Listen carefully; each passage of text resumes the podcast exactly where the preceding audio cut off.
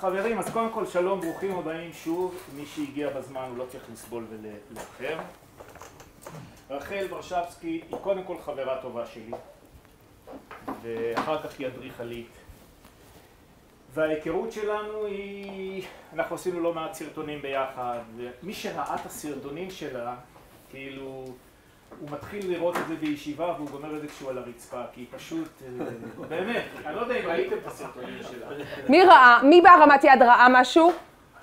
יש אני פה- תיארתי את זה נכון, שזה מתחיל, והיא פשוט, אתה, זה כאילו, היא. אבל לא מספיק אנשים ראו, אז מהר לפתוח את הטלפון. כמה בסך הכל יש? ראיתי איזה כמה. אה, אתה לא. 140? אז יש- את כל מה שהיא מרוויחה היא משקיעה בזה, לא, אני צוחק. אבל היתרון הגדול של, של, של האדריכליות, של רחל ושל המקצוע הזה, והעיסוק הספציפי שלה, זה שאנחנו בעצם עכשיו נכנסים לפרק של הטבלה, של הערכת הנזק. עכשיו, כמו שאמרתי לכם, רוב רובו של הנזק, ב-98% מהדוחות שנעשה, זה נזקים למבנה. דירה, כן, דירה, בית, משרד, חנות, אולם אירועים וכו'. מעט מאוד נזקים נעשה לתכולה, מעט מאוד נזקים נעשה לתכולה, וכשנעשה לתכולה אז זה די פשוט יחסית, כי היום יש לנו גם את זאפ, אתה כותב אה, כמה עולה משהו וזה בשנייה וחצי אתה מקבל את זה. אבל במבנים אנחנו צריכים לדעת כמה עולה להחליף מטר מרובע טרצו, חומר, חומר שחור, עריכים, עבודה וכו', כי אנחנו צריכים לתמחר את זה בסוף. אחר כך אנחנו צריכים לדעת כמה עולה, כמה עולה פירוק, כמה עולה אה, לפנות את זה לאתר פסולת מורשה, איך אנחנו מחשבים כמה מטר מרובע צריך לצבוע קירות בלי תקרות, עם תקרות, שטח כפול שלוש וחצי או ארבע דיברנו, נכון? כל מיני כללי אצבע כאלה. רחל עוסקת המון בלקחת דירות מגורים או בתי מגורים רגילים ולהפוך אותם לארמונות.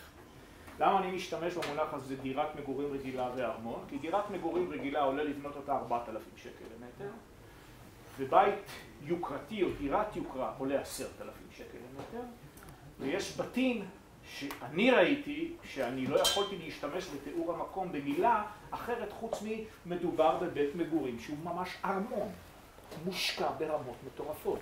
רואים את זה המון ביישובי יוקרה ורואים את זה גם המון במגזר הערבי. לאנשים שיש להם כסף, חברים, אנחנו מדברים על 20 ו-30 ו-40 אלף שקל למטר, ארונות שאתם לא ראיתם בחיים, כמה חומר זול יותר. לא משנה, אבל עדיין, תקשיב, לא אנשים אני שם, האמת. יכול, אני, אני, זה שהעלויות בנייה נמוכות יותר אנחנו יודעים, אבל עדיין בתי מגורים שיישים, בקיצור בתים מושקעים, ואנחנו, אין מה לעשות, אנחנו, העין שלנו מאחרי הקורס הזה צריכה להיות, כשהיא מסתכלת על משהו, היא חושבת כסף. פשוט ככה. כשאנחנו נכנסים לדירה ואנחנו אומרים בואנה, זו דירת מגורים רגילה סטנדרטית. מעל הסטנדרט, פאר, אה, אה, וכו' וכו' וכו'.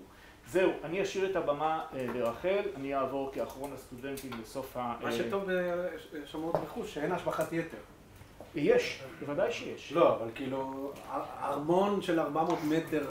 נשרף, כן. אז אה, אה. אנחנו צריכים לדרוש את אז לצורך העניין זה. תעתיק, אם אתה רוצה. כן, כן, בדיוק. כן, אז בלשון שלנו זה תעתיק, צריך לבנות את זה מחדש, נכון? כן. אז לא לא משנה שהייתה השבחת כן, יתר. אם זה הכוונה שלך אז אתה צודק, נכון. נכון, כי צריך להחזיר לו בדיוק מה שהיה לו, אם זאת השאלה אז אתה צודק, זה ממש נכון. ואנחנו חייבים לדעת, אה, ואנחנו גם צריכים לדעת לאן הולכים. עוד משפט אחד או מילה אחת, מישהו שמאי מקרקעין, אז בשולחן העבודה שלנו יש לנו פעם אחת את מחירון דקל, ופעם שנייה יש לנו דקל למטר, שגם עוזר לנו. למה הוא עוזר לנו דקל למטר? כי שם אפשר לבנות בניין, אתה מכניס כמה קומות, כמה זה, כמה זה, ובסוף אתה מקבל ואז אתה מחלק את זה במטרים, אתה יודע פחות או יותר על מה מדובר. וההערה האחרונה היא, חבר'ה תזכרו כשמאים, לתקן עולה תמיד הרבה יותר מאשר לבנות.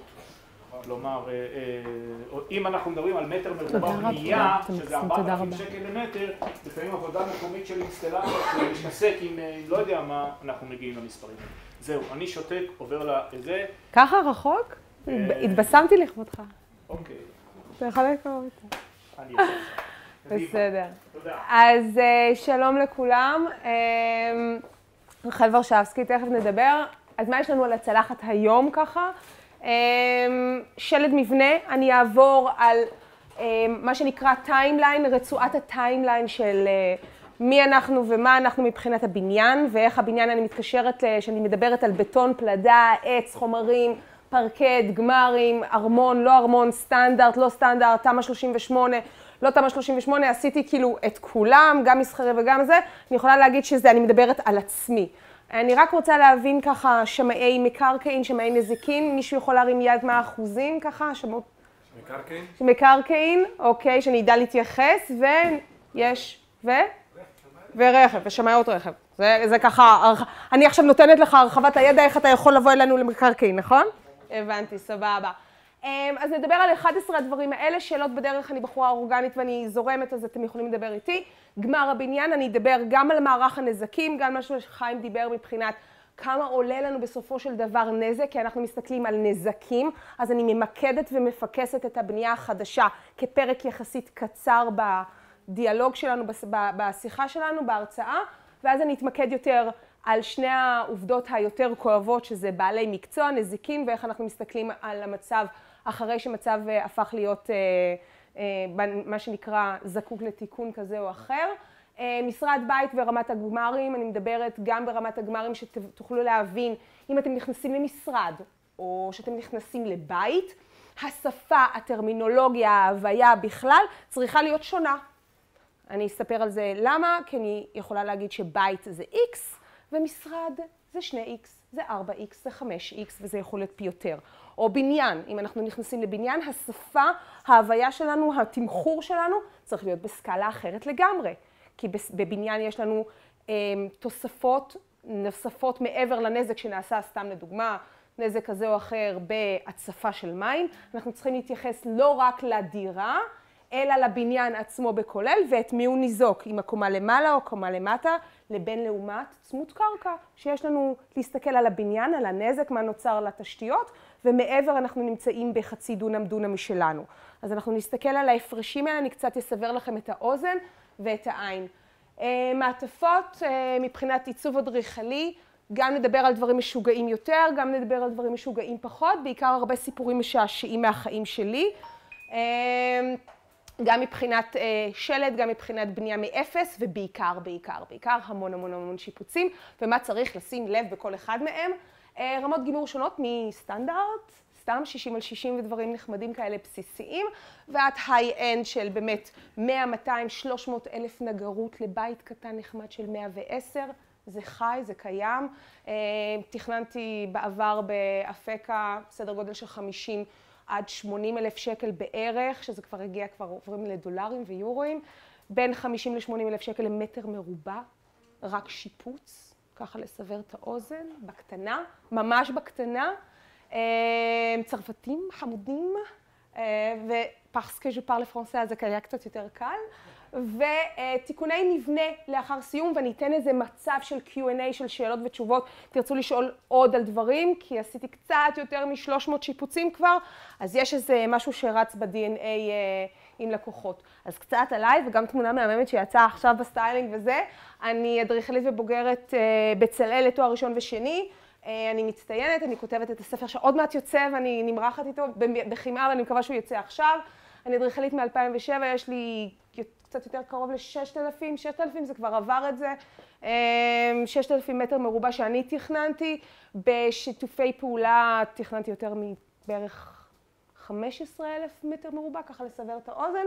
אני מתמחה רק בשיפוץ, זה רק מה שאני עושה, אני יודעת בנייה מאפס, אני יודעת מסחרי, אני יודעת זה, אני יודעת היתרים, אבל לי בא ואני אוהבת את השיפוצים. למה? כי זה יותר מאתגר מאשר לבנות מאפס, וכמו שחיים תמיד אומר, אה, לבנות ממצב קיים, עם שפה, עם דיאלוג, עם סיפור חיים של הבניין, עם סיפור חיים של הזוג, עם סיפור חיים של מי שיצא ומי שהיה, ומי שנפטר בדירה או חי בדירה או מי שנולד בדירה, זה הרבה יותר מעניין ופלפלי אה, מאשר דירה ככה של מגרש חמוד מאפס. אז אני אה, אדריכלית עם קצת יותר פלפל מאשר האדריכלים האחרים, ככה אומרים לפחות, אז זהו, יאללה ביי. אז המטרה בעצם של, של אדריכל, רק שתבינו כאילו מי שלא יודע, אם אתם יודעים, אתם יכולים להרים ואני אעבור הלאה, אבל אני אומרת את זה בגרוסו מודו ככה שתדעו.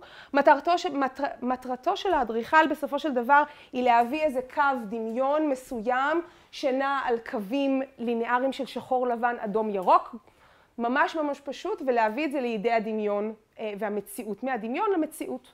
והפער בסופו של דבר זה בין מה שקיים בהדמיה או בתמונה או במה שזה יהיה ללקוח שהוא רואה בפיזי והחוסר יכולת שלו לתרגם את זה למציאות, לבין מה שיקרה בסופו של דבר אחרי תקציב ונגמר ורציתי high-end והפך להיות סטנדרט ורציתי כזה וכזה וכזה.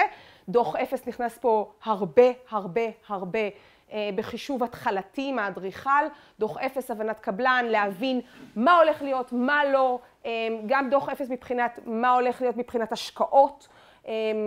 דקל זה כמובן חבר נורא נורא טוב שלי, של העורך דין, של המהנדס, של מי שמתעסק עם ההיתרים שלי, שמתעסק עם ההיתרים ושינויי חלון, פתחים קטנים, דברים ושינויים, הרבה התעסקות עם זה, אז דוח אפס מאוד עוזר לנו להבין, לעגן את זה אם אנחנו נמצאים במיליון או בסטייה פתאום מיליון וחצי, או כמו בשיפוצים, תמיד אפשר לדעת, התחלנו במאה וסיימנו בחמש מאות ואנחנו לא יודעים, אז אני עוזרת in between כזה של לעזור ולאגד את זה למציאות, ובזה אני מתמחה בלבד, יש אדריכלים שחותמים והכל בסדר, והם עושים מה שנקרא ארבע מיליון ומקבלים את זה, ואני קצת לא ככה.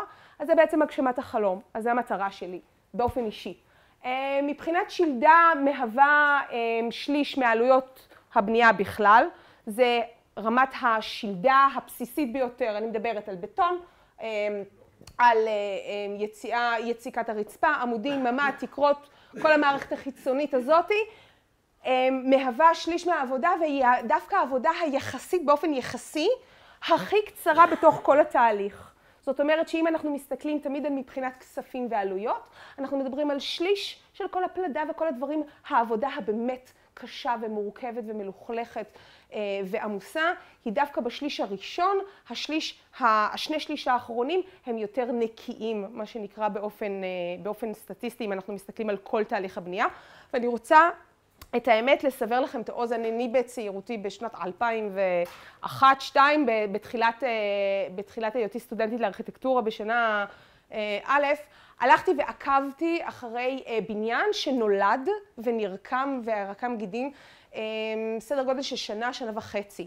אני ממליצה לכם, באופן אישי, באהבה, לא שתהיו אדריכלים, אבל חפשו בניין שנמצא כרגע במצב יסודות שהפילרים יורדים למטה ויש לנו בור, תחפשו חפשו את הקבלן המבצע או את המנהל פרויקטים באתר, אני ממליצה בקרב לב שתלכו ותעקבו אחרי יסודות הבנייה ואפילו תבקרו ותבקשו אישור כדי להיכנס פנימה ולראות את תהליכי הבנייה מקרוב. אין כמו לראות בשטח איך בניין נולד. זה הדרך הכי טובה, יש מה שנקרא נייר ומחשב והכל, אבל אין כמו לראות בשטח ולהיות במצב אחד לאחד עם מנהל הקבלן ולראות את מחמוד ואחמד וסיני ובייג'ין ורומנו ורמון וזה וכל החברים מכל קצוות העולם ולראות אותם במגע אחד על אחד, להבין מה הבטון, להבין כמה זמן לוקח תהליכים, לבוא לבקר אחת לשבוע, לשבועיים, לראות מה קצב העבודה. זה ייתן לכם בעצם פריזמה הרבה יותר רחבה להבין איך בניין עובד וכמה זמן באמת אנחנו משקיעים עם הנזק, מה שקורה אחרי, אבל אנחנו לא יודעים כמה זמן לקח לבניין להיוולד. כאשר תבינו כמה הבניין ייקח לו להיוולד, ה-state of mind שלכם יתחיל לחשוב כל הזמן כסף, כמה זה עולה, מה התהליך, מה זמן הבלאי שלו. תוכלו להבין לעומק איפה הבניין היה ולאן הוא הולך. זה דברים חשובים שאף אחד לא מגלה אותם, מגלים אותם בפקולטה אולי לאדריכלות, אבל אתם יכולים לעשות את זה גם על סוג אפילו לקחת שיפוצון קטנטן של 180, אפילו עד 100 מטר מרובע של דירה ממוצעת ולראות איך הורסים אותה מהיסוד על בטוח, על בלנקו, תחפשו מכולה בסביבת המגורים שלכם. אני ממליצה את זה גם לסטודנטיות שלי שעובדות ועוברות איתי ליוויים, ליוויים אישיים אחד על אחד, כי בקרוב אני פותחת בית ספר, אז אני, אם אני מדברת על זה ואני אומרת להם, אתם לא יודעים איך זה נבנה, אתם לא יודעים איך בא ריצוף או פרקט סלש על, הר... על, על איך המחבר של הדלת אל מפתן הפתח של הדלת, או איך בא סף פתח אור, פתח אור נטו, פתח שלדה, שלדה של מערכת U, פרופילי U שמחוזקים, איפה יש מערכות של אה, למשל תקשורת וחשמל, או איפה תקשורת בא לידי ביטוי, איפה ארון חשמל בא לידי ביטוי, איפה הוא נמצא בבניין או איפה הוא נמצא בדירה, האם זה נמצא בחוץ או האם זה נמצא בפנים או האם זה נעשה העברה, להתקשר לחברת החשמל, להבין מהם המושגים היסודיים שאנחנו צריכים להבין מבחינת חברת החשמל. הזזת ארון חשמל בממוצע נע בין 4 ל-6 אלף שקל, וואלה, לא ידעתי. וזה לוקח סדר גודל של 60 יום. הלקוח צריך לדעת את זה, אתם צריכים לדעת את זה, אתם צריכים להיות יותר חכמים מהלקוח. הכי חשוב, לא? פאוזה כזה דרמטית. אמ, פיתוח שטח ומסירת הפרויקט ללקוח, זה אני אדבר על זה בסוף.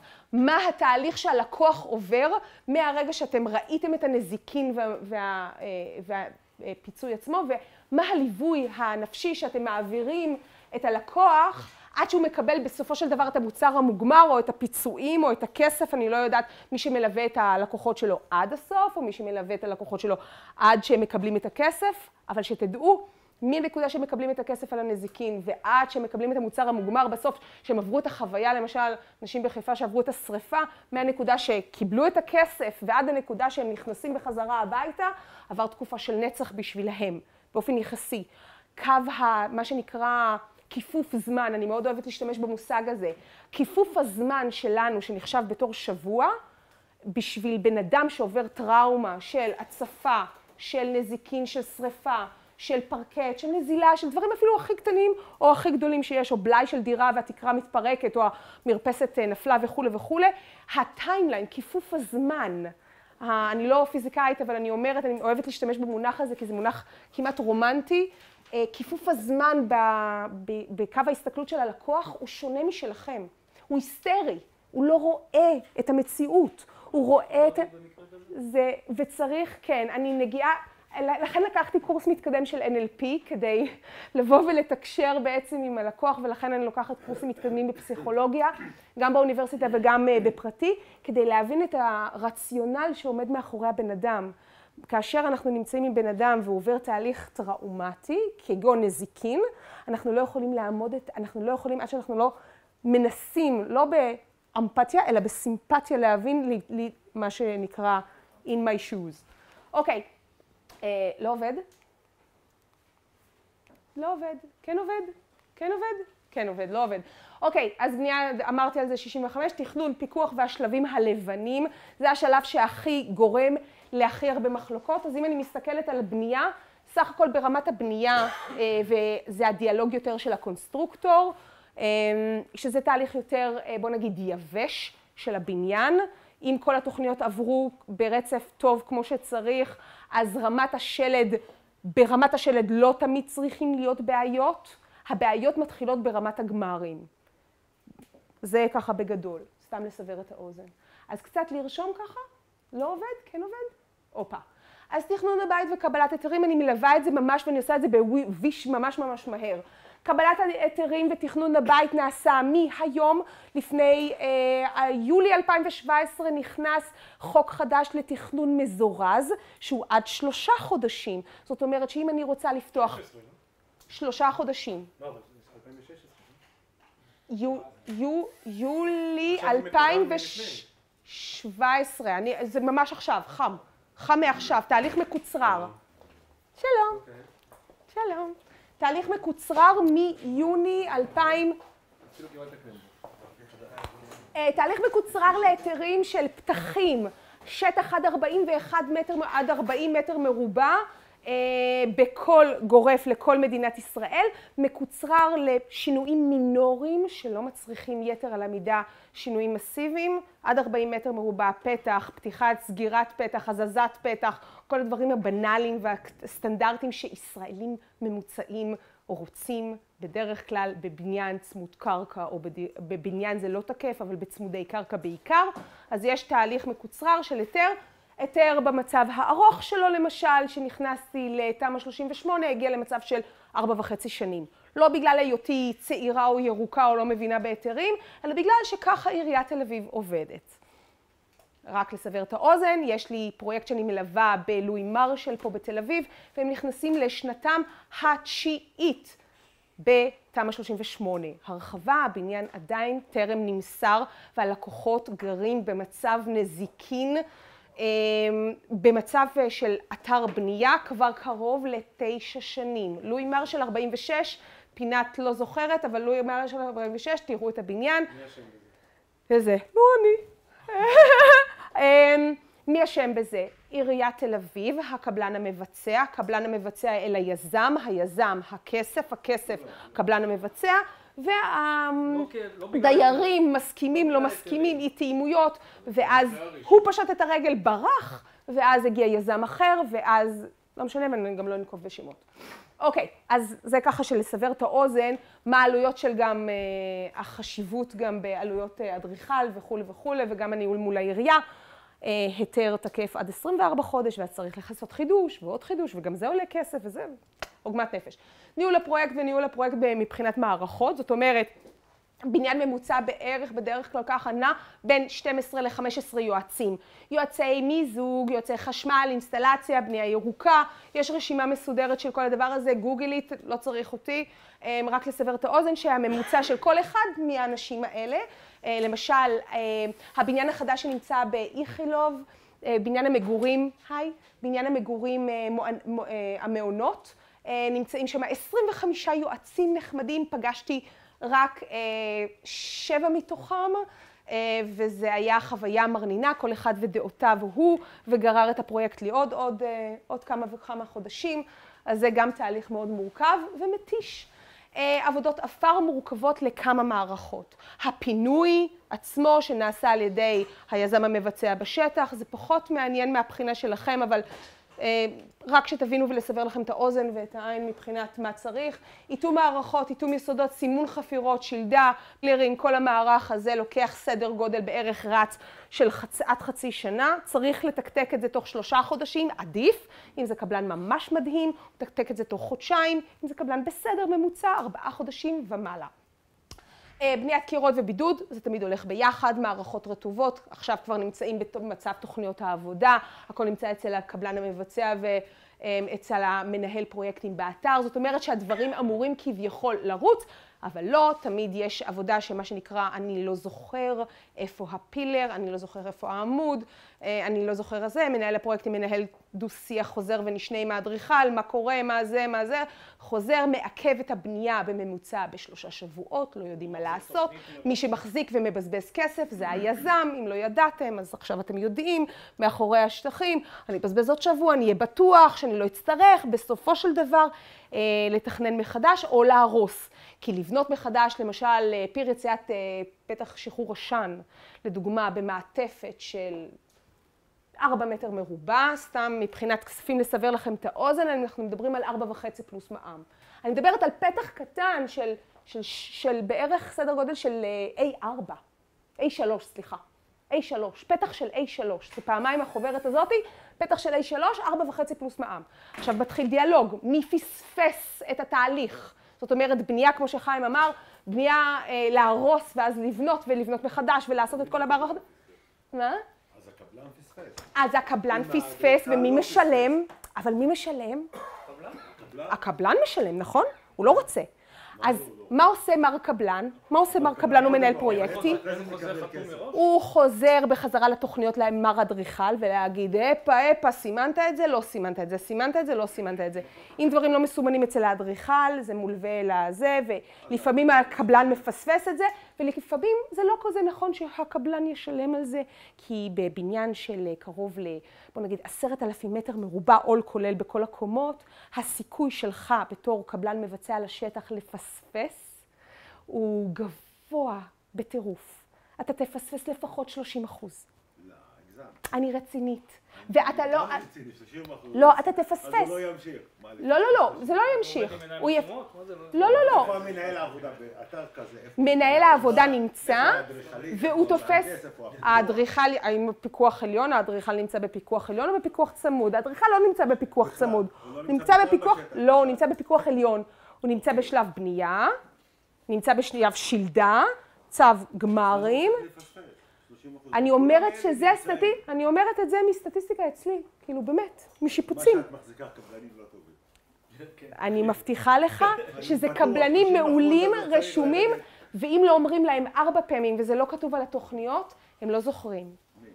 הם, הקבלנים לא זוכרים, לא זוכרים, צריך להזכיר להם. אני מגלה לך, אינפוט. מסתכלים על התוכניות, הוא כבר...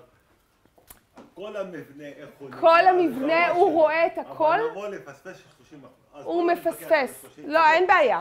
בסדר, אז אצל קבלן פחות טוב זה יהיה 20? קבלנים ואני קבלן. לא, לא, לא כל הקבלנים. אמרתי לא כל הקבלנים. בסדר, אני לא רוצה להיכנס איתך לרשומות. בסדר. איתום בידוד וגג. אז אתה לומד שמאות?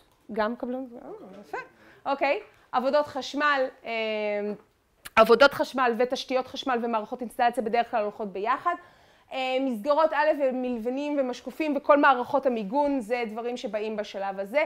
ריצוף וטיח אה, ומסגרות ב' של כל, כל מה שקשור למערכות לבנות. כאילו מהנקודה הזאתי אנחנו נכנסים לשלב שהוא שלב של מערכות לבנות. זאת אומרת שהחשיבות לגמרים או לחשיבות מד הלייזר שאני באה וכל הזמן מודדת האם 2.70 זה באמת 2.70 או 2.69 או 2.50 או מה שזה יהיה, אז בסופו של דבר אני תמיד דואגת שהמערכות האלה יהיו תואמות לתוכניות ואני מוודא בשטח, אני באה בפיקוח אחת לשבוע או עשרה ימים, זה תלוי בהתקדמות הפרויקט. אה, עבודות חשמל, תאורה ומטבח, זה כל מה שנקרא החומרים הלבנים. חומרים הלבנים נמצאים במצב שמשוער סדר גודל של בין אה, חודש, אם אני מסתכלת על פרויקט קטן של עד 100 מטר, נמצא סדר גודל של בערך חודש ימים לגמרים, 45 יום לגמרים, לדירה ממוצעת סטנדרטית של עד חצי מיליון. בערך 45 יום לגמרים. אני תמיד נותנת את שלב, תמיד כשאני מסבירה ללקוחות שלי מה התהליך שהם עוברים לעבור, שוב הליווי הפסיכולוגי, אני תמיד מסבירה להם, יש חלק של הריסה שהוא נראה מאוד מאוד מפחיד, יש את החלק של הבנייה שהוא נראה יחסית נחמד, אבל עדיין מאוד מאוד מלוכלך, ויש את השלב של הגמרים. ואתם צריכים לעבור איזה תהליך רגשי בכלל, ולהבין שהשלב הזה נראה ככה, מאוד מלוכלך ובלאגניסטי, והשלב הזה נראה ככה, והשלב של הגמרים נראה יחסית נקי ולא זז. זה בדרך כלל לא זז. אמ, אז זה השלב הגמר עם הקירות חוץ, ואז יש אה, צ'ופצ'יק שנכנס בטעות לכאן, זה מיגון ובית חכם. בית חכם בדרך כלל נכנס במצב אה, שמוסיף עלויות, סתם לסבר לכם את האוזן. שקע חשמל סטנדרטי, אם הוא ניזוק, שקע חשמל סטנדרטי, איפה יש פה? שקע חשמל סטנדרטי כמו הזה שנמצא עם אה, שתי שקעים וארבע מתגים בסיסיים. עולה המערכת הקופסה החיצונית עולה בממוצע מוויטרה, סתם אני לוקחת דוגמה של אה, חברה שאני עובדת איתה, אבל זה יכול להיות כל חברה אחרת, בממוצע 900 פלוס מע"מ, רק למתג ההדלקה והכיבוי.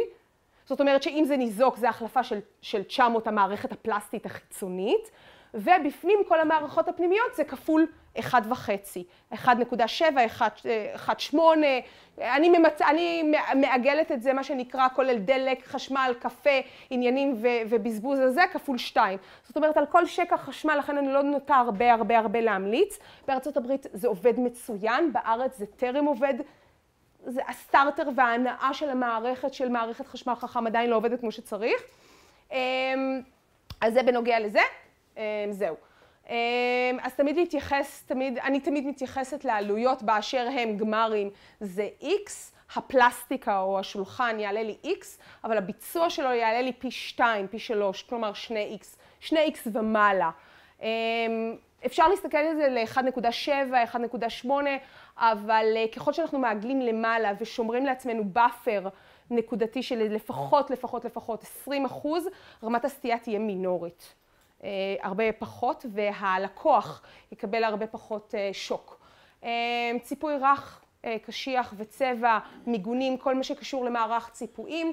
ניקוי פנים והברקה גם לוקח סדר גודל של 100 מטר בממוצע, לוקח יומיים עבודה, זה 48 שעות, 9 שעות, זה כאילו 18 שעות עבודה ניקיון למצב של דירה סטנדרט, 110 מטר מרובע, 100 ו... לפי הלשכה לסטטיסטיקה זה 109 מטר מרובע, לוקח בערך יומיים לנקות את הבית קומפלט, יש אנשים שמאוד משתמשים בזה, זה טרנד שנכנס מאוד מאוד חזק משנת 2010, שיש חברות ניקיון שמנקות ומומחיות לנקות אחרי אה, לכלוך, slash שיפוץ, slash אה, נזיקין, slash ככה וככה. שוב, אחרי שריפה זה לא אותו ניקוי כמו אחרי הצפה, ואחרי הצפה זה לא אותו ניקוי כמו אחרי שיפוץ. אז יש לעשות את הסקר שוק מבחינת הבנה כמה עולה מה ואיפה ולמה. ריצוף חוץ, גינות, וכל ה... ובמקרה של החלפה אני תמיד ממליצה, החלפות של המפתח הקיים, מפתח האפס, לעומת המפתח הקיים והרצוי של, של הלקוח, ומסירה, טופס אכלוס ומסירה, זה ככה בכללי. אז דיברנו על גמרים ואני מתחילה עם ארבע נזיקים הכי חשובים שגור... שנמצאים אצלי בתוך השיפוצים שלי, שגורמים ללקוחות בעצם לבצע שיפוץ. רוב הפרויקטים שלי נעים עד 170 מטר בממוצע, 170 מטר מרובע בממוצע, לרוב לכולם זה דירות, יש גם צמודי קרקע, פחות אוהבת אותם, יש שם הרבה יותר נזיקין שהתעסקות, אז מים. מבחינת מים, כל דבר שנוגע, שיש הצפה, סביר להניח שהקומה שנמצאת בה את מחלקת ההצפה ולא בוצע איתום כמו שצריך ולא בוצעה בדיקה של 24 שעות עד 48 שעות שנקרא הצפת מים או הצפת אזור חלל רטוב, שלא בוצע בו איתום כמו שצריך, אם זה מסטיק מדע או זה מסטיק כזה ואחר. הסדר גודל של מבחינת כספים על הדבר הזה, זה העלויות בערך שהן פי שתיים, פי שלוש מהמצב הקיים. זאת אומרת, רציתי לשפץ אמבטיה, אמבטיה ניזוקה, חדר לי מים גם אל השכן, אני לא מתעסקת עם הנזיקין האלה, אני מדברת ברמה האדריכלית. לקחת ולתקן אמבטיה קיימת שנוזלת מאיפשהו, בוא נגיד נוזל מהברז הראשי. סביר להניח שהמים חלחלו במצב, במצב בריכתי לכל הכיוונים והם נמשכים בדרך כלל או מתנקזים לנקודה הכי נמוכה שהיא נמצאת במרכז החדר או סטטיסטית, לפי כל השיפוצים שלפחות שאני הייתי בהם, זה מתנקז לנקודות הקיצוניות. זאת אומרת, קווי המתאר של החדר. זאת אומרת, שאם יהיה פה, סתם לדוגמה, הצפה חס וחלילה, המים ילכו וידרדרו לכיוונים איפה שהם יחברו, איפה נקודת המחבר שהם יכולים לחדור מלמטה. שסביר להניח שזה... אני נכנס להליך השיפוט שהוא נתת דוגמה של בעצם אמבטיה שגרמה גם לנזק גם לשכן למטה. נכון. כל הליך השיפוץ הזה, כולל תיקון התקרה, הרי סביר להניח שמבחינה שמאית הוא יצטרך אחר כך גם לתקן את הנזק שנגרם למטה. אז גם ההליך הזה גם כן עובר דרכך, או שזה כבר לא קשור, אלא... בחוזה שלי אל מול לקוח קצה, בחוזה שלי, בדיאלוג שלי, בליווי שלי אל מול לקוח קצה, אני מלווה את הלקוח בבנייה חדשה.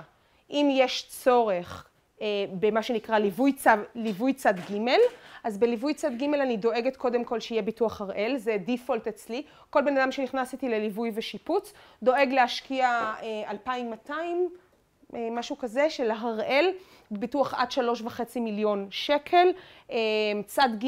בשביל מה הוא צריך אדריכל בעניין הזה? למה הוא לא יכול, הרי הוא הולך לעשות שיפוץ או תיקון של מצב קיים, בשביל מה צריך אדריכל במקרה הזה? הוא יכול להביא ישירות הקבלן. נכון, ואז נכנס הפרמטר הרגשי. אה, אמבטיה הלכה זה, אולי כדאי שאני אחדש, אולי וזה, אולי אפשר לשפץ עוד משהו, אולי זה. נפתח התיאבון, ראיתי אפריטיב, ואני רוצה מנה ראשונה ושנייה ומנה אחרונה וכוס בירה בצד. זה בדרך כלל מה שקורה. אלא אם התקציב מאוד מוגבל, עד סדר גודל של כמה אלפים או עד עשרת אלפים שקל, זה מה שנקרא תקציב מאוד מינורי, ואז הלקוח לא צריך אדריכל על החלק הזה. בטח ובטח האדריכל לא נוגע בצדדים של... נזקין לשכנים ודברים כאלה, כי זה קרה לי. למשל, במהלך שיפוץ שנעשה לפני כשנתיים וחצי, היה דירה ממוצעת של, אני חושבת זה היה 86 מטר מרובע, העובי של הרצפה היה סדר גודל, אפרופו מים, קצת לסבר לכם את האוזן, הקבלן בטעות, בטעות, היה צורך, היה רלסים, רצף של רלסים על הרצפה, עובי הרצפה היה כ-15 סנטימטר, והיו רלסים כל סדר גודל של 65 סנטימטר, אוקיי? הקבלן בטעות ביצע פעולה שהוא שילם עליה נזיקין מאוד מאוד גבוהים, וקדח ושבר את התקרה בתוך הארון של השכן מלמטה. היה דרמה שלמה, היה הרבה דברים. שווי ההערכה היה מוגמר לכאילו הקבלן ישלם נזיקין של עשרת אלפים. זה נגמר בצורה די נעימה, בסך הכל היה דרמה של 24 שעות וסגרנו את הסיפור הזה. זה היה אופציה, זה היה סיפור מספר אחת, וסיפור מספר שתיים היה זה שהקבלן החליט על דעת עצמו, לא בליווי עם הזה, וקבלן מורשה חמוד, נורא נחמד, אני מספרת עליו טובות. אממה, החליט שהוא קודח בתוך קורה של I, קורה RH10 קטנה כזאת, היא חמודה, החליט שהוא יקדח רק חור כזה קטנטן להעברת הצינור, כי הרלסים רצו והוא רצה להעביר את הזה והוא לא התייעץ בזה. כמובן שתוך 24 שעות הבאנו קונסטרוקטור והכל לזה, אבל הוא תמך והוא פחד. הוא רצה כאילו לחפות על זה, ואני הגעתי בדיוק ברגע הזה ושאלתי מה זה ולמה לא התייעצו איתי וזה. נחסך פה עוגמת נפש שהיה יכולה להיגמר ב... ב, ב, ב כאילו בהריגה של בן אדם זה היה משהו מטורף. אז זה מבחינת מים וחדירת מים. וסיפור שלישי ואחרון ונורא נחמד, של אותו מר קבלן נחמד. אני לא עובדת איתו יותר, אבל הוא נורא נחמד. וככה אני מתגלגלת מקבלן לקבלן עד שאני אמצא את הקבלן זה, ואני, ואני חווה הרבה הרבה נזיקין, וכל פעם זה על, על מצב אחר, וזה עוגמת הנפש הכי גדולה של אדריכל. סיפור מאוד מאוד נחמד, שמסרנו דירה, וה... נגר הגיע, שזה שלב הגמרים. השווי המוערך של 150 אלף שקל נגרות לדירה של 90 מטר מרובע, שזה לא מבוטל, אבל זה די סטנדרט, מצופה צבוע בתנור, מאוד נחמד והכל. והקבלן הנגר, בטעות, בפיתוח צד ג', בטעות, בטעות, רק בטעות, לקח את כל המעטפת של הנגרות שהתחברה והתנשקה עם קיר המחבר אל ה... אמבטיה, וקדח את, חיבר את מערכת הנגרות של הטלוויזיה ומערכת החשמל שנמצאת בסלון, וחיבר אותה לקיר. מה קרה? פיצוץ גדול באמבטיה חדשה, שיפוץ הרגע הסתיים, כן? זה ממש לפני מסירה. עוגמת הנפש של הקבלן הוא הערכה באיזה 120 אלף שקל, משהו כזה, כל הנזיקין, לקחת קרמיקה, גמרים, הרי הוא פיצץ את הכל מחדש. אז הכל התפוצץ, ואז הנגרות, להכין כאילו נגרות חדשה, כי הקיר צריך, הקיר קיבל מים מכל כיוון, וכמובן צריך לעשות מסטיק מדע ואיתום מחדש וכל הזה, זה בערך 120 ככה וזה. הקבלן עצמו קיבל על הפרויקט הזה אחרי התווכחות ככה לסבר לכם את האוזן, סדר גודל של 78 אלף שקל, זאת אומרת שהוא יצא בנזיקים מאוד גדולים. אז זה לגבי מים. מים בדרך כלל אני תמיד מאוד מאוד נזהרת ובודקת בשטח פעמיים במצב של איתום ודברים כאלה, אז חשוב מאוד. שריפה. זה נזק שהוא, שוב, חיים יתקן אותי אם אני טועה, אני לא נתקלתי באופן אישי בהרבה הרבה שריפות, אני יודעת שיש הרבה. שלום. אני יודעת שיש הרבה שריפות, אני לא נתקלתי באופן אישי ברמת השיפוצים בשריפות, מבחינת מחירים ומבחינת זה מה שאני ראיתי וממה שאני חוויתי. כדי לשחזר דירה שעברה נזק של שריפה, העלויות פר מטר עם דירה ממוצעת שאני מבצעת עולה סדר גודל של בין 5 ל-10 אלף שקל. בוא נגיד סתם, הכי סטנדרטי שבעולם, דירת 100 מטר מרובע, 5,000 שקל למטר מרובע, בסדר? כולל גמרים, כולל עבודה, כולל זה, 5,000 בסיסי, בסדר?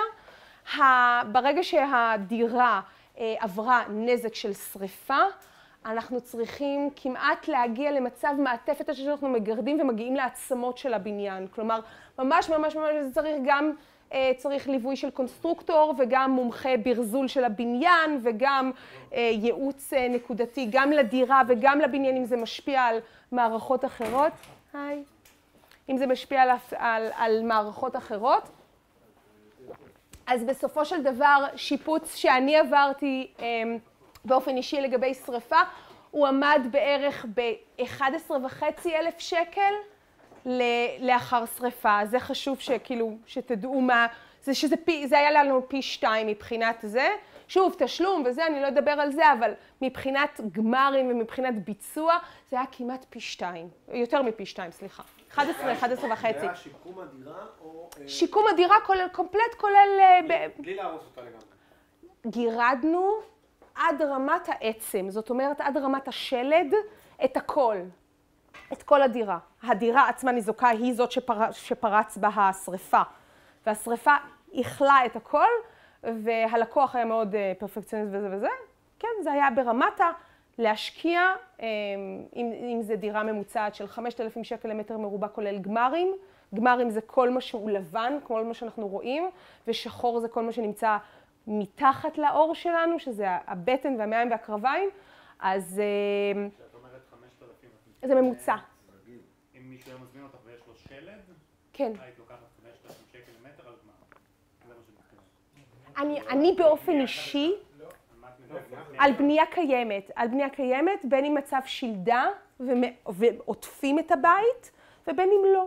זה, זה תלוי. אני באופן אישי, אמ, בגלל שבניתי שיטה מסוף תואר שני והלך, אני בניתי שיטה שאני מנסה להבין ברמה הפרפסיכולוגית איך אני יכולה להבין את הבן אדם יותר טוב, איך לעצב לו את הבית יותר טוב, וזה לפי שיטה אישית שלי, אז אני גם שואלת אותו שאלון יותר פסיכולוגי, איך הוא מצחצח שיניים בבוקר, איך הוא חי בבוקר, איזה שותה, הוא שותה קפה, הוא שותה שייק, הוא שותה אמ, שייק ירוק, זה הכנה של 15 דקות לעומת קפה.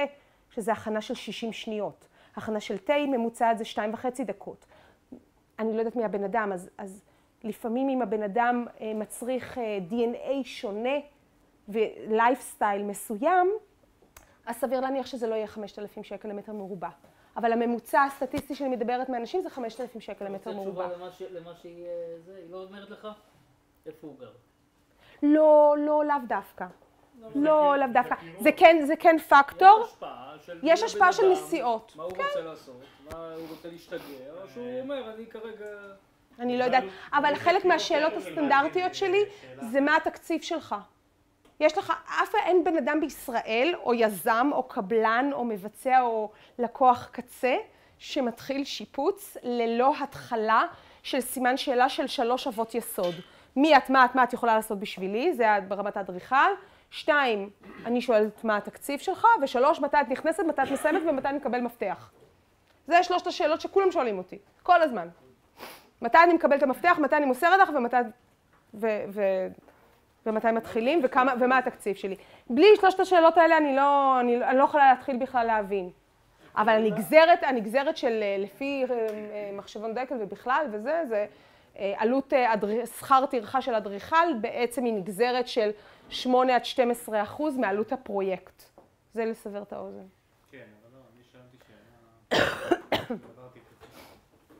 דיברנו על 5,000 שקל במקרה של שריפה פי שתיים. פי שתיים, אז זה יוצא אחד, בסביבות, לי באופן אישי, יצא לי 11 וחצי אלף למטר מרובע. בגלל שגירדנו ופינינו בית וגירדנו את הדירה, דירה של 120 מטר מרובע, גירדנו אותה, יצא 11 וחצי אלף שקל למטר מרובע. וגירדנו, כולל גמרים, כולל הכל. לא, לא כולל מע"מ. מע"מ הוא לא... לא שלי, לא שלך, לא של אף אחד. למה? אמרתי, זה שלו. נכון, ולכן אני מגדירה, נכון, אבל המע"מ יכול להשתנות. אז מה אני אגיד לך, 11 וחצי שהיה לפני שנתיים וחצי זה היה 18 אחוז, 17 וחצי. מה? מה שאמרת עכשיו, 11 וחצי זה... הרצליה. לא הרצליה פיתוח. הרצליה ד'. הרצליה ותיקה. כן. רק כשאת מדברת על 5,000, את מדברת על בית שמה? שבאת לשפץ אותו או בית... שבאתי לשפץ ולתכנן אותו מהיסוד, כן. רגע, שאלה, אם יש לך שלד של אה, דירה, כן. לדירה במצב שלד. מה זה שלד דירה במצב שלד דירת קבלן? נניח דירת קבלן. דירת קבלן בדרך כלל לא, לא נמסרת במצב מעטפת, אלא אם זה מגדל. להבין את העלויות של הגמרים. אוקיי, אני תכף אדבר על זה. אני אדבר על זה, על, על גמרים וזה. כמה עולה לך להביא אותה, כמה עולה למטר הגמר, וכמה עולה במקרה של שיקום אחרי. אוקיי. כאילו, לא מסתדר לי כל כך. אוקיי. בנייה ממוצעת עולה בדרך כלל סדר גודל של 5,000 שקל למטר מרובע. לא להשתגע יתר על המידה, לא זה, אני אדבר איתך על גמרים. שני שליש. שני שליש ושני, כן, זה די, זה די ככה. השיקום היה, השיקום היה עד היסוד, זה כפול. היה לנו קונסטרוקטור, היה לנו קונסטרוקטור, אני נותנת לך מקרה ספציפי, זה לא יכול להיות חתך מצב על כל השריפות ever. אני נותנת לך פרויקט אחד שלי אישית. חיים, תקן אותי, כמה עולה שיפוץ בממוצע מבחינת מטר מרובע לדירה שאתה ניהלת? אז אם השריפה היא well done, אמרתי לכם בזמנו שאני מגדיר את זה כמו סטייק, medium, medium rare, well, well done, שרפה שהיא well done, שזה אומר טיח נשר מהקירות או מהתקרה, חברים, תחשבו שיש פה, זה כבר לא בנייה, קודם כל יש פה הריסה ופינוי, זה בנייה מחדש, והאם אני מגיע ל-5,000 שקל למטר מרובע, התשובה היא חד משמעית. כן, זה כן, זה מגוון. אני מדברת על גמרים, רגע, אבל אני מדברת כולל גמרים. לא, אבל זה דירה, אבל זה דירה בתוך בניין. אני לא יכולה לעלות.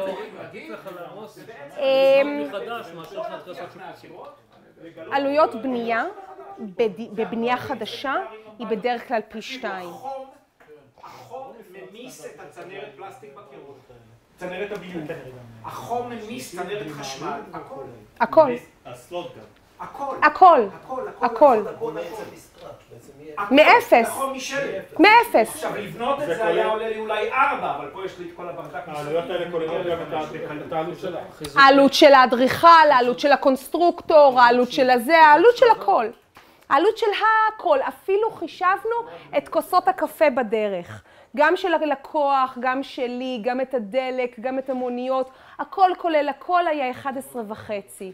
כולל אדריכל, כולל, כולל הכל, כולל ליווי נפשי, שלוש פגישות עם פסיכולוג, באמת היה דוח אפס, מה זה מסודר, כולל הבכי, טישואים, באמת, העוגה אחרי, הפרחים שלי, הארוחה, ההזמנה אפילו, ה-11 וחצי, אני אומרת, אפילו כולל את הארוחה שאני הזמנתי את הלקוחות שלי לפינוק כזה אצל אייל שני. מה?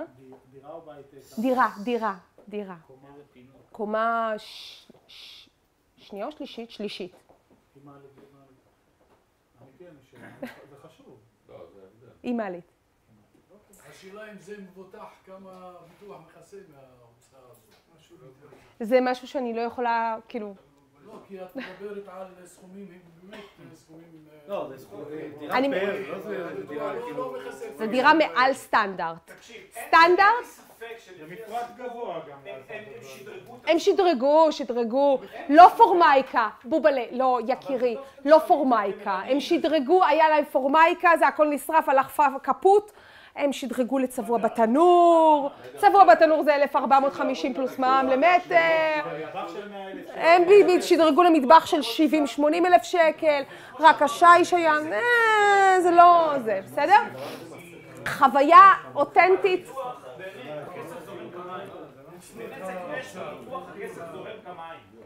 מה הטיימליין שלנו? מה השעה?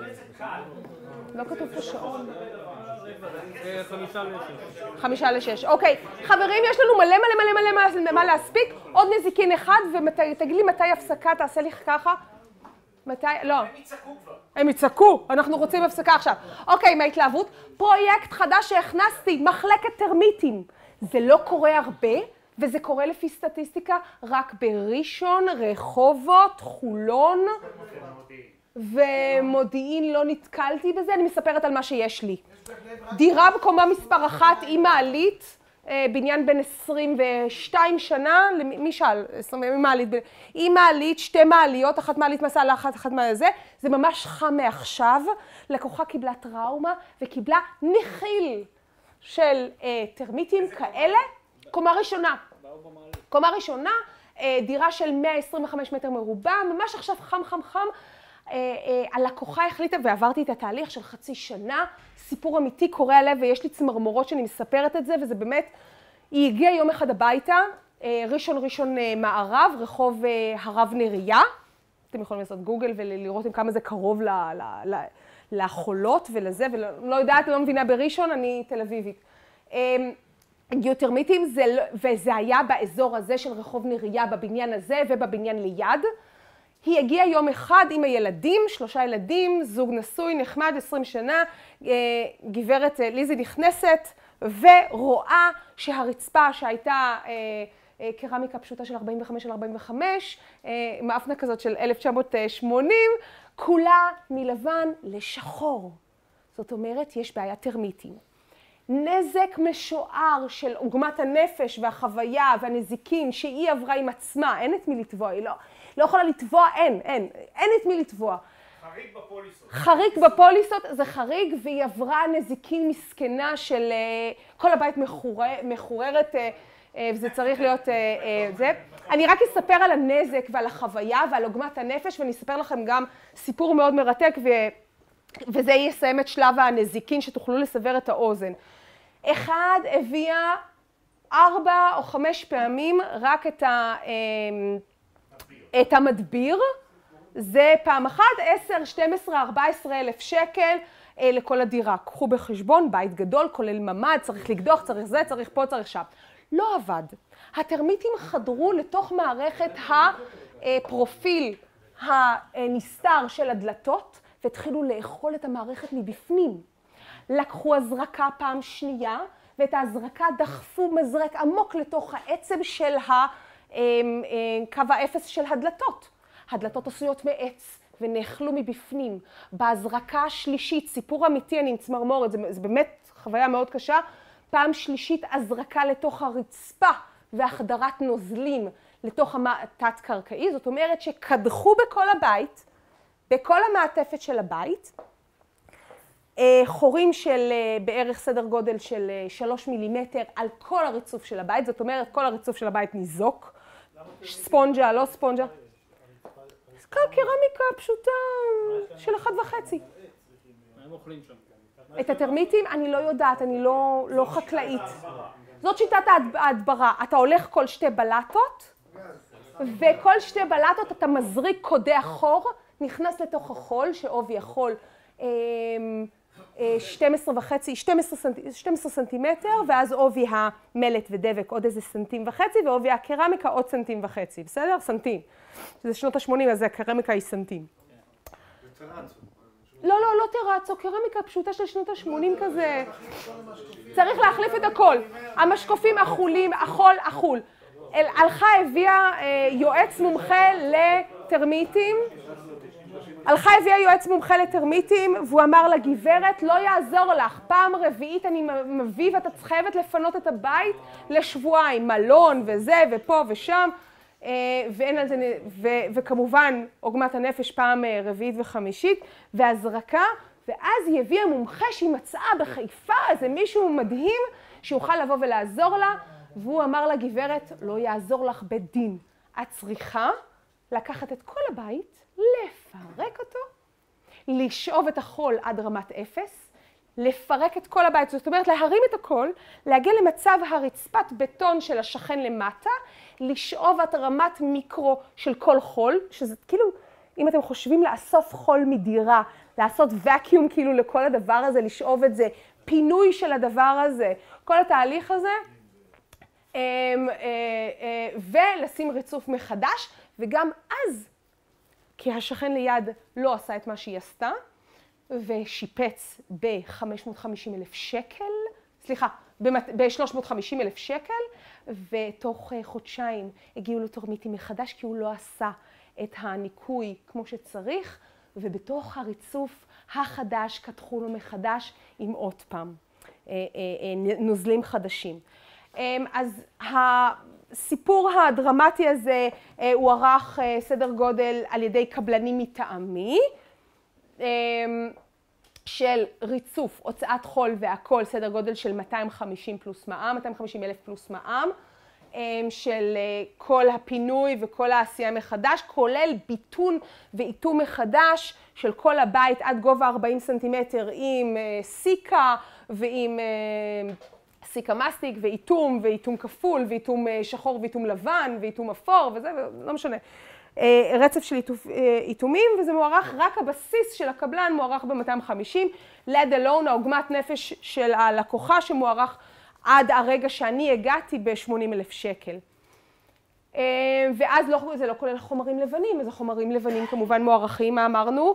אמרנו שהקבלן מוערך 40 אחוז, 50 אחוז, ואז יש את כל החומרים הלבנים, פרקט, תאורה, בא לי כזה, בא לי כזה, בא לי אקססוריז, בא לי שולחן ככה וככה וככה, מצאנו חצי מיליון, לא ישנה כל הלילה, עברנו תהליך של חצי שנה, היא הביאה תשעה קבלנים, קיבלה הצעות מחיר שנעות מ-110 עד 300 אלף שקל, רק מחיר קבלן, בלי גמרים, בלי לבן וזה.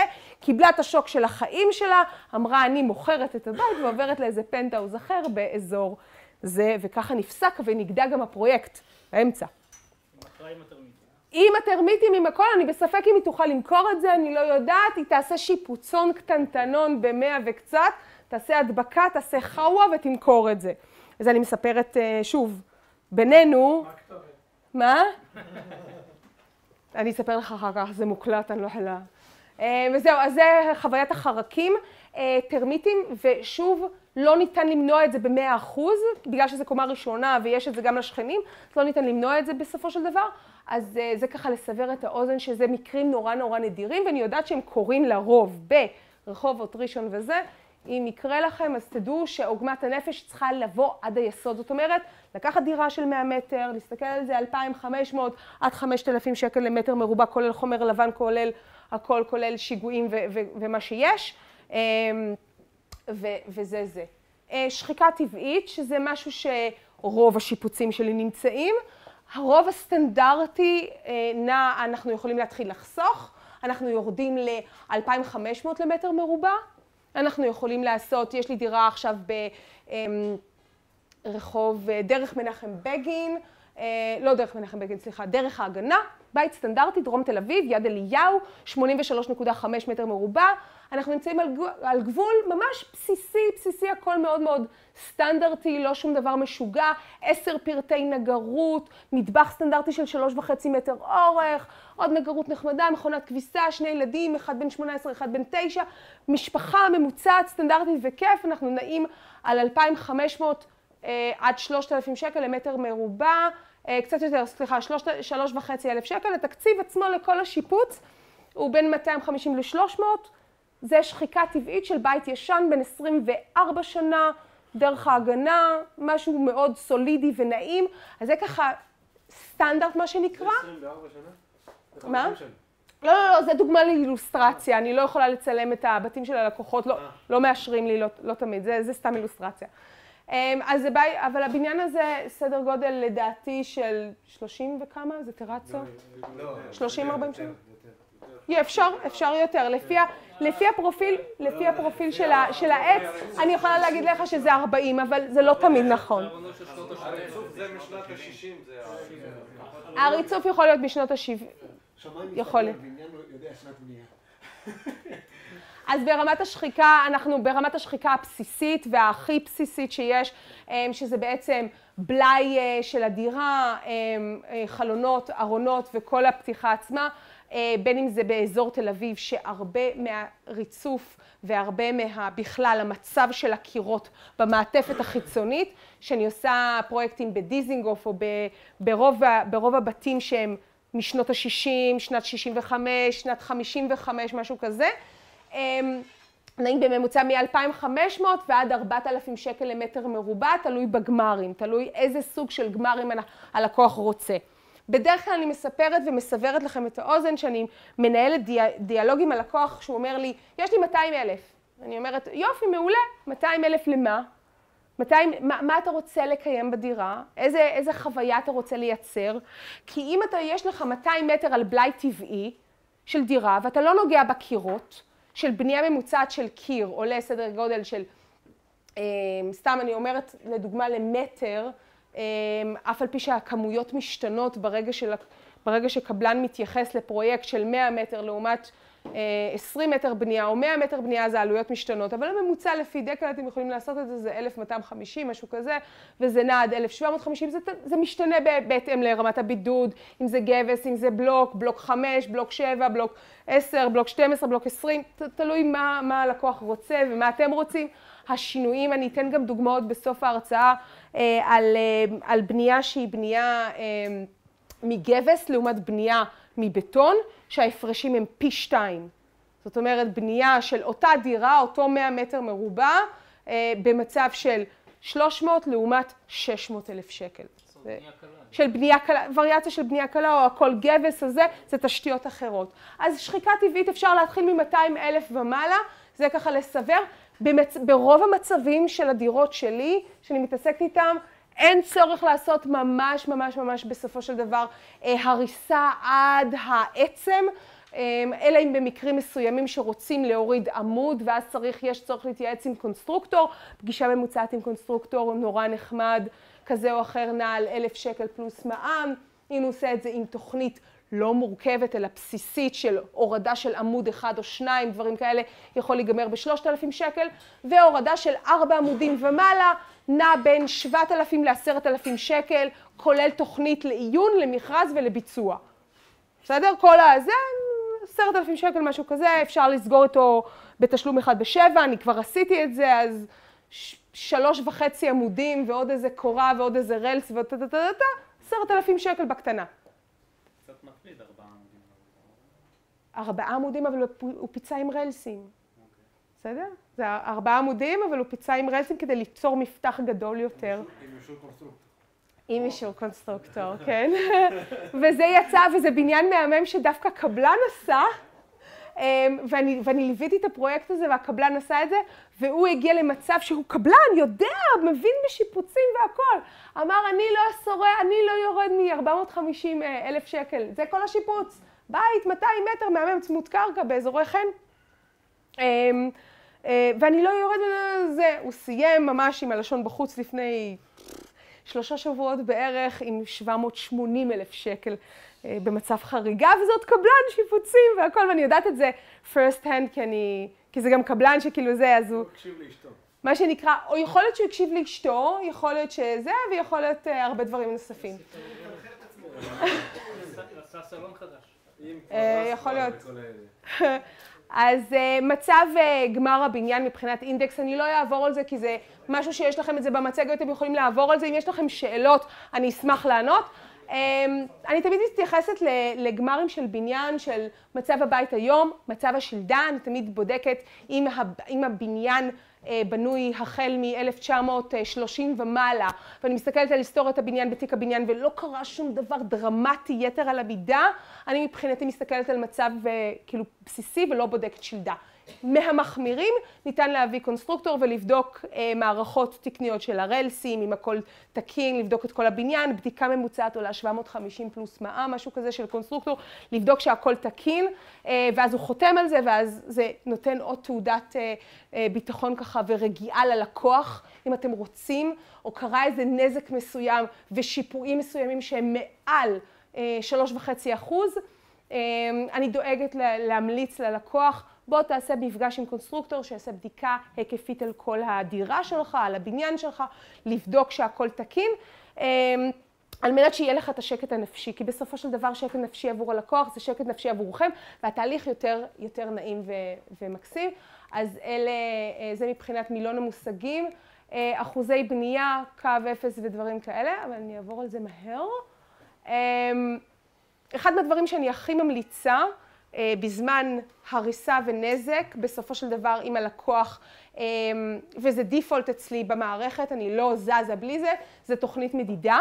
אני תמיד, תמיד, תמיד באה, לא משנה אם אני מתחילה את הפרויקט או לא מתחילה את הפרויקט, אני מבקשת תהליך ראשון, זה בנייה של מודד, מודד מוערך מ-1,500 אה, עד 5,000 שקל, תלוי באיזה רמת ביסוס ואיזה רמת דיוק הלקוח מבקש את זה. זאת אומרת שלפני שהלקוח אה, מתחיל לעבוד על רמת גמרים, בין אם זה ברמת שלד, מעטפת הכי בסיסי שבעולם, זה יכול להיות 1,500 שקל אה, ל-100 מטר, זה באמת 120, 130, 150 שקל למטר מרובע מבחינת מודד, ועד מורכבות של, כמו שאני עובדת למשל, שזה קבלן מבצע על המצב ואנחנו לא משטיחים את כל הבניין, אז הוא מודד לי גם מערכות של שקעים, ארון חשמל, איפה כל שקע נמצא, מערכות מיזוג, בדיקה והכל, ואז זה יכול להגיע באמת ל-3,000, 4,000 ו-5,000 שקל למטר מרובע. אז זה מבחינת הזה. נסח טאבו, אני לא אכנס לזה, פיקוח עליון, זה דברים חשובים להבין. האם האדריכל נמצא בפרויקטים בממוצע של פרויקטים למעלה מ-10 מיליון, בדרך כלל, בדרך כלל, כמו הבורסה לניירות ערך, הייתי חלק מצוות התכנון רק. אני יכולה להגיד שכל יום, כל שבוע במשך שנה וחצי. התנהל פיקוח צמוד ביום ראשון בשעה תשע בבוקר על ידי אדריכל מטעם המשרד לפקח את הבורסה לניירות ערך על כל הקומות. זאת אומרת, אחת לשבוע, כל פעם ליווי של שלוש שעות לעבור על כל הבניין, עם התוכניות, עם הפרטים, עם הזה, הכל נעשה. אחת לשבוע באופן סיסטמטי, שנה וחצי, לא זזים, לא ימינה ולא שמאלה. העלויות כמובן של האדריכל היו מאוד גבוהות, העלויות בכלל של הפרויקט כאילו היו מאוד גבוהות, אז זה, זה, זה חשוב לדעת מבחינת זה, קווי בניין וכל הדברים האלה, אני לא אלאה אתכם בזה. רום, שלח ודברים כאלה שזה חשוב מאוד לדעת מבחינת מדרגות.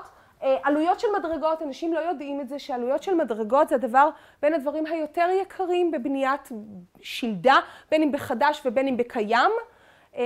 אחד, בגלל היציקות, שתיים, בגלל המורכבות והדיוק של המדרגות, ושלוש, בגלל התכנון עצמו, גם של האדריכל וגם בביצוע, זה שני פרמטרים נורא יקרים, מדרגות. הם, הם חלק מאוד מסיבי, אני תמיד מתייחסת לזה גנרי, שאתם צריכים לדעת את זה, וזה אב יסוד שאתם יכולים לרשום אותו, וזה, בוא נגיד, נכנסתם לבניין, יש בו אחד מדרגות, שתיים, או דירה של אחד מדרגות, שתיים ממ"ד, זה שני דברים מאוד יקרים. עלות בנייה מאפס של ממ"ד, סתם לסבר לכם את האוזן, נע כיום על בערך 95 אלף שקל ללקוח קצה רגיל. ויכולה להגיע עד 120, 150, 130, סטנדרט, בסיסי. כלומר, מערכות פלרז, בנייה ותשתיות מאפס, יציקה של כל המערכת, הנחת תשתיות חשמל ומעבר של הג"א ואישור שהכל תקין כחוק וכדין וכדת וכדין. חדרים מחוזקים. חדרים מחוזקים או חלל מחוזק או בניין מחוזק? חדר שמחזקים אותו. חדר שיפור מיגון, מה שנקרא. אוקיי. העלויות.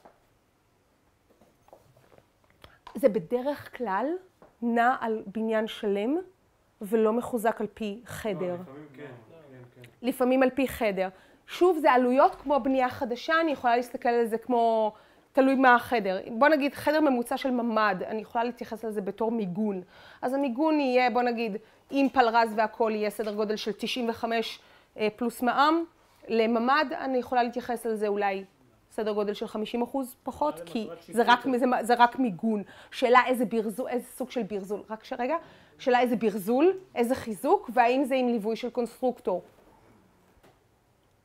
בדרך כלל זה על בניינים שלמים, אז אני לא יכולה להגיד לך על דירה נקודתית. אבל אני יכולה להגיד שאפשר לסגור את זה ב-20-30 אלף שקל, אם אתה מבצע שיפוץ של כל הבית, 20-30 אלף שקל, לא צריך להיות. שאלה איזה ברזול אתה רוצה, ואם זה צריך לעבור אישור הג"א, אז אני אכר את זה לדעתי ל-40, נשמע לי נכון ל-40.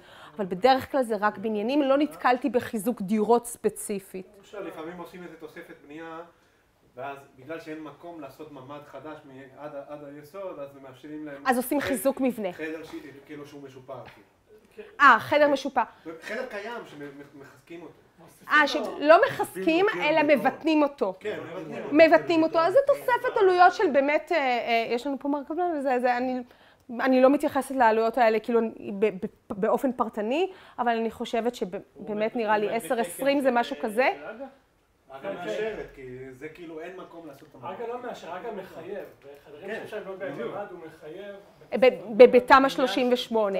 אז זה חיזוק מעטפת, זה תמ"א 38, זה חיזוק מעטפת, זה חיזוק לכל הבניין עצמו. לא, בניין שבו, דירה שבה אין ממ"ד, לא היה ממ"ד בכלל. אוקיי. תוספת של 12 מטר מחייבים ממ"ד. החוק מחייב שני פרמטרים, הוא יכול לחייב אחד ממ"ק, שזה ממ"ד קומתי, או ממ"ד תת-קרקעי כזה או אחר. ויש עוד כמה דברים שאני באופן אישי לא נגעתי בהם, יכול להיות שנפל חוק, שהגיע חוק חדש במושג.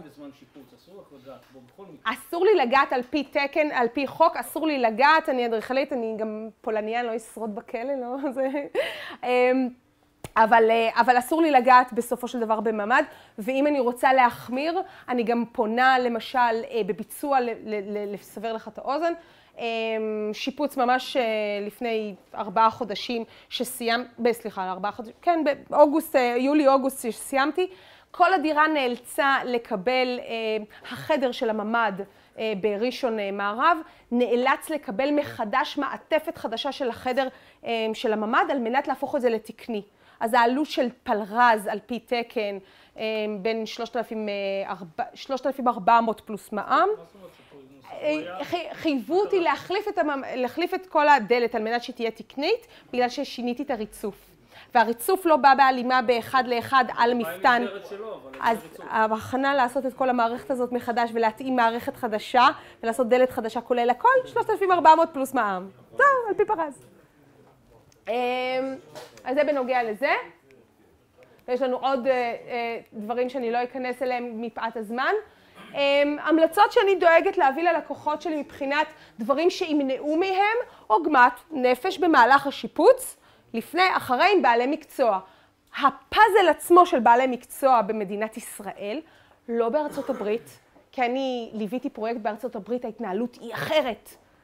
יש מלא ארגנטינאים ומלא ברזילאים ומלא דוברי אה, ספרדית לכל המינים, אה, והם חיים אחרת, הם מתנהלים אחרת. הקבלן הוא אלוהים, האדריכל הוא סופר אלוהים, וכולם עושים מה שהם אומרים, ויש לוחות זמנים, ואם אתה מעכב אפילו בחצי דקה, הלקוח בכלל לא מגיע, הכל מנוהל בצורה אה, דיגיטלית, מאוד מרשים, חוויה סופר סופר אה, אמריקאית, לא קיים במדינת ישראל בכלל, אלא אם אולי אני יכולה להגיד בבורסה לניירות ערך חוויתי חלק מזה, ועוד איזה כמה מגדלים אה, נחמדים ב high-end ממש ממש גבוה חוויתי את החוויה הזאת. אה, מלון שאני תכננתי, שליוויתי אותו במשך ארבע שנים במלון ליאונרדו בזה, אה, שבוצע על ידי דניה סיבוס, לא התנהל בצורה הזאת, הכל היה בחאווה, אז לא. אז המלצות, אני תמיד דואגת לבעלי מקצוע באופן אישי, לנזיקין שאתם תגיעו ללקוחות קצה שהם עד מיליון שקל פיצויים, עד שתי מיליון, עד חמש מאות אלף אה, פיצויים וזה. אני תמיד דואגת לדבר עם בעלי מקצוע שיש להם המלצות. המלצות, לפחות עשרים המלצות מלקוחות עבר.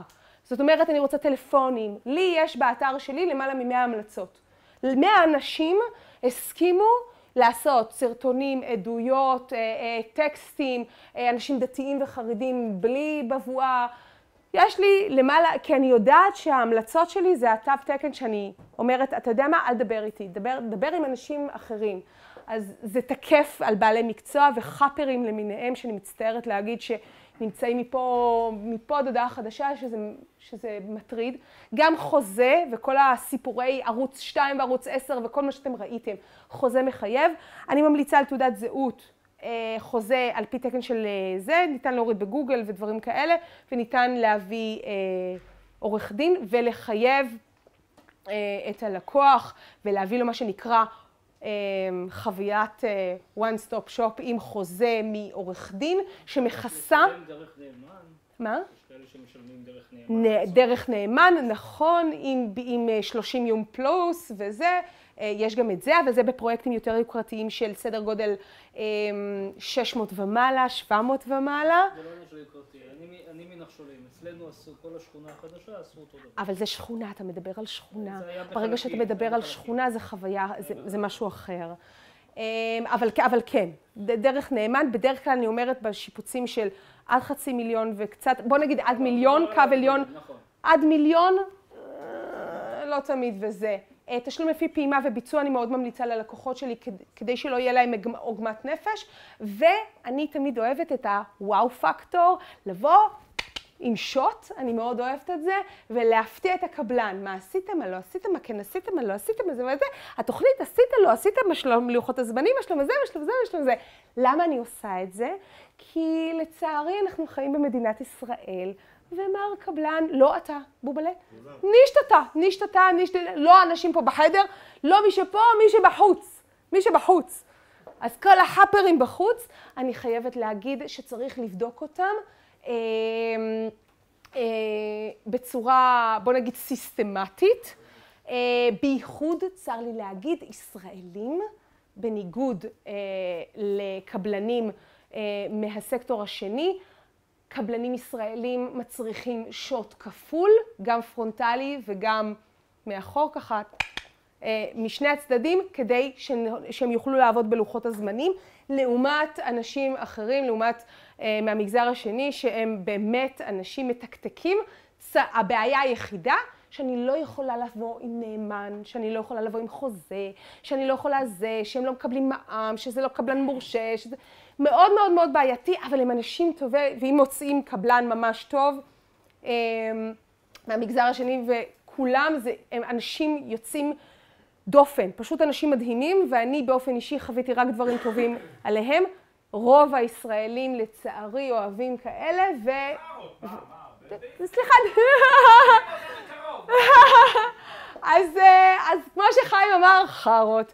אז יש ישראלים קקות שלא עומדים בלוחות זמנים, שארוך עליה, אכלו לי, שתו לי, איזה, הכלב אכל לי, את לא מבינה, אני מנהל שש פרויקטים במקביל, וקבלן גם רשום. לא תגידו איזה חאווה מהשכונה ככה מוכר לי ארטיק. קבלנים רשומים שמאכילים אותי סרטים, ואני עברתי ופיטרתי כל כך הרבה קבלנים. וכל פעם מחדש אני תופסת על משהו אחר, וגם חברות. אני מנהלת עכשיו כאילו 300 אה, מטר בבניין, אה, באזור, בניין עסקים, כאילו ממותג והכל וזה, ואנחנו מדברים על 750 אלף שקל לשיפוץ, ועדיין עוד, עוד שנייה מגיע ל-800, ואני, ואני מסתכלת על החברה ואני אומרת, איפה הנזיקין של הלקוח? והלקוח, כאילו, זה לקוח עסקים, אז הוא משלם גם על כל יום, אני תכף אדון על זה בהמשך. אז אלה דברים שאני מפתיעה, מה שנקרא, אתם יכולים, אה, זה, זה ברמה השיווקית, אתם יכולים להביא את כל הסדר פעולות הזה כצ'קליסט ללקוחות שלכם. צ'קליסטים שאני מביאה, בין אם זה לאנשים שאני מלווה אותם, ובין אם לשמאים, ובין אם לעורכי דין, ובין אם למתווכים שאני עושה הרצאות, אני מביאה להם צ'קליסטים ואני אומרת, קחו תעתיקו את הדבר הזה. קחו תעתיקו את הדבר הזה ות, ותפרטו על כל אחד ממה שאני אמרתי. קחו את ההרצאה שלי, תעתיקו אחד לאחד ותביאו את זה צ'קליסט ללקוחות שלכם. הוואו פקטור שלכם בתור שמאי, אה, בתור שמאים יהיה, אה, אה, אין, אה, זה, זה, זה חוויה, לא חשבתי שאני צריך ביטוח נגד הקבלן. אני אספר לכם סיפור, לפני שש שנים הייתה בחורה נורא נחמדה, נחמית, נחמה, נחמה החמודה, שהיא אה, אה, גרה ממול, בת 68, אה, 72, משהו כזה, כאילו מבוגרת, צעירה. גרה ממול השיפוץ שאני תכננתי ביד אליהו, משהו חמוד קטן, 65 מטרים. נחמה ל... עשתה סיבוב עם האצבע, סיבוב עם ה... סליחה, עם הקרסול, אה, על אה, חלק של אה, אבן קטן של מחמוד החמוד המהמם, שבטעות לא גרף את זה ביום העבודה האחרון שלו, ממש מדברת שבועיים, שלושה לפני סיום מסירת הפרויקט, וזה כמה אבנים, ניקו וזה, ונחמה מתוקה שברה, כאילו, שברה מעדה, לא יודעת אם זה שבר או זה, אני לא יודעת, ותביעה רצינית. השיפוץ שלי הופסק, הוקפא, לא זז בכלל. הלקוחה בזה, לא היה ביטוח לא היה חוזה, לא היה ביטוח צד ג' של הראל, אמ, שמבטח בעצם את 2 אה, עד 3 מיליון שקל של הראל. לא של הקבלן? הביטוח, לא משנה, לא היה ביטוח. למדתי לפני חמש שנים. הייתי צעירה יותר בלי קמטים. לא, מי אחראי במקרה כזה? במקרה כזה... המזמין? המזמין. הבן אדם שהוא בעל הדירה, נכון? אני לא טועה. כן. נכון. אז מי שאחראי על זה, זה היה בעל הדירה, בחורה, השפית. שגם... אחר כך תובע את הקבלן, אבל... לא. קודם כל תוריד אותך. קודם כל תוריד אותך. כן. אז קודם כל... קודם כל תבעו את הלקוחה, ואז תבעו את הקבלן, ואז ולמה אני לא הייתי בזה, אז אני נכנסתי פקטור צד ג', ומה זה סיסו ושמחו מפה עד הודעה חדשה, וזה היה ממש כאילו אה, כיף ושמח, אז לכן אני תמיד מביאה את הצ'קליסט הנחמד הזה, ו, ולא פלא שיש לי למעלה מ-95 לקוחות, 95 אחוז לקוחות מרוצים, כי יש את הוואו פקטור הקטן הזה, גם אתם יכולים להשתמש בזה באהבה. תהיו מהממים ותיתנו ללקוחות קצת, לא באמת, תעשה לי לייק. כולכם עכשיו לפתוח רחל ורשבסקי בפייסבוק ולעשות לי לייק. אמ, ויש לי גם קבוצה סגורה של אדריכלים, אז אתם יכולים ללמוד, של אדריכלים ומעצבים, איך הם דורשים, איך, אני מלמדת אותם איך לדרוש יותר כסף אה, כמוני, כי עושים פה בחינם ודברים כאלה, אז בכלל במדינת ישראל, אז אתם מוזמנים לחפש. אה, מעצבים הצלחה עם רוחלה. וזה כזה משעשע. טוב, אה, בדיקה, בדיקה מעודנת של בעלי המקצוע. אני תמיד דואגת לבעלי המקצוע כדי לבדוק את הנזיקין של זה. העלויות שהן משוערות זה כאילו 500 שקל לפגישה. משהו כזה, אני בודקת, כאילו מבחינת עלויות שהלקוח ידע שהוא מבזבז זמן. אמ, אני דואגת לבעלי מקצוע כדי להבין את הפאזל ואת המורכבות, אני דואגת לדבר לנפש שלו. אני דואגת שבעל מקצוע, למשל, בניגוד לקבלן, שהוא קצת יותר מחוספס, אבל צריך לדבר לאגו שלו, אמ, אה, מר נגר הוא בן אדם עדין נפש, רך יותר, ואם חס וחלילה אפגע ברגשותיו של הנגר או של המסגר, או בן אדם שעובד ביצירת אומנות, או עושה עבודת פרזול כזאת או אחרת, אמ, אז חשוב לדבר בצורה מעודנת, בשפה נעימה עם בעלי המקצוע. אמ, זה גורם לעבודה אה, יותר טובה. אני באופן אישי מביאה קורסונים, תותים, תלוי אה, זה, לפעמים פל, פלטות של פירות, פירות וירקות או מתוקים. קורסונים משוקולד עובדים הכי טוב, וקפה שחור.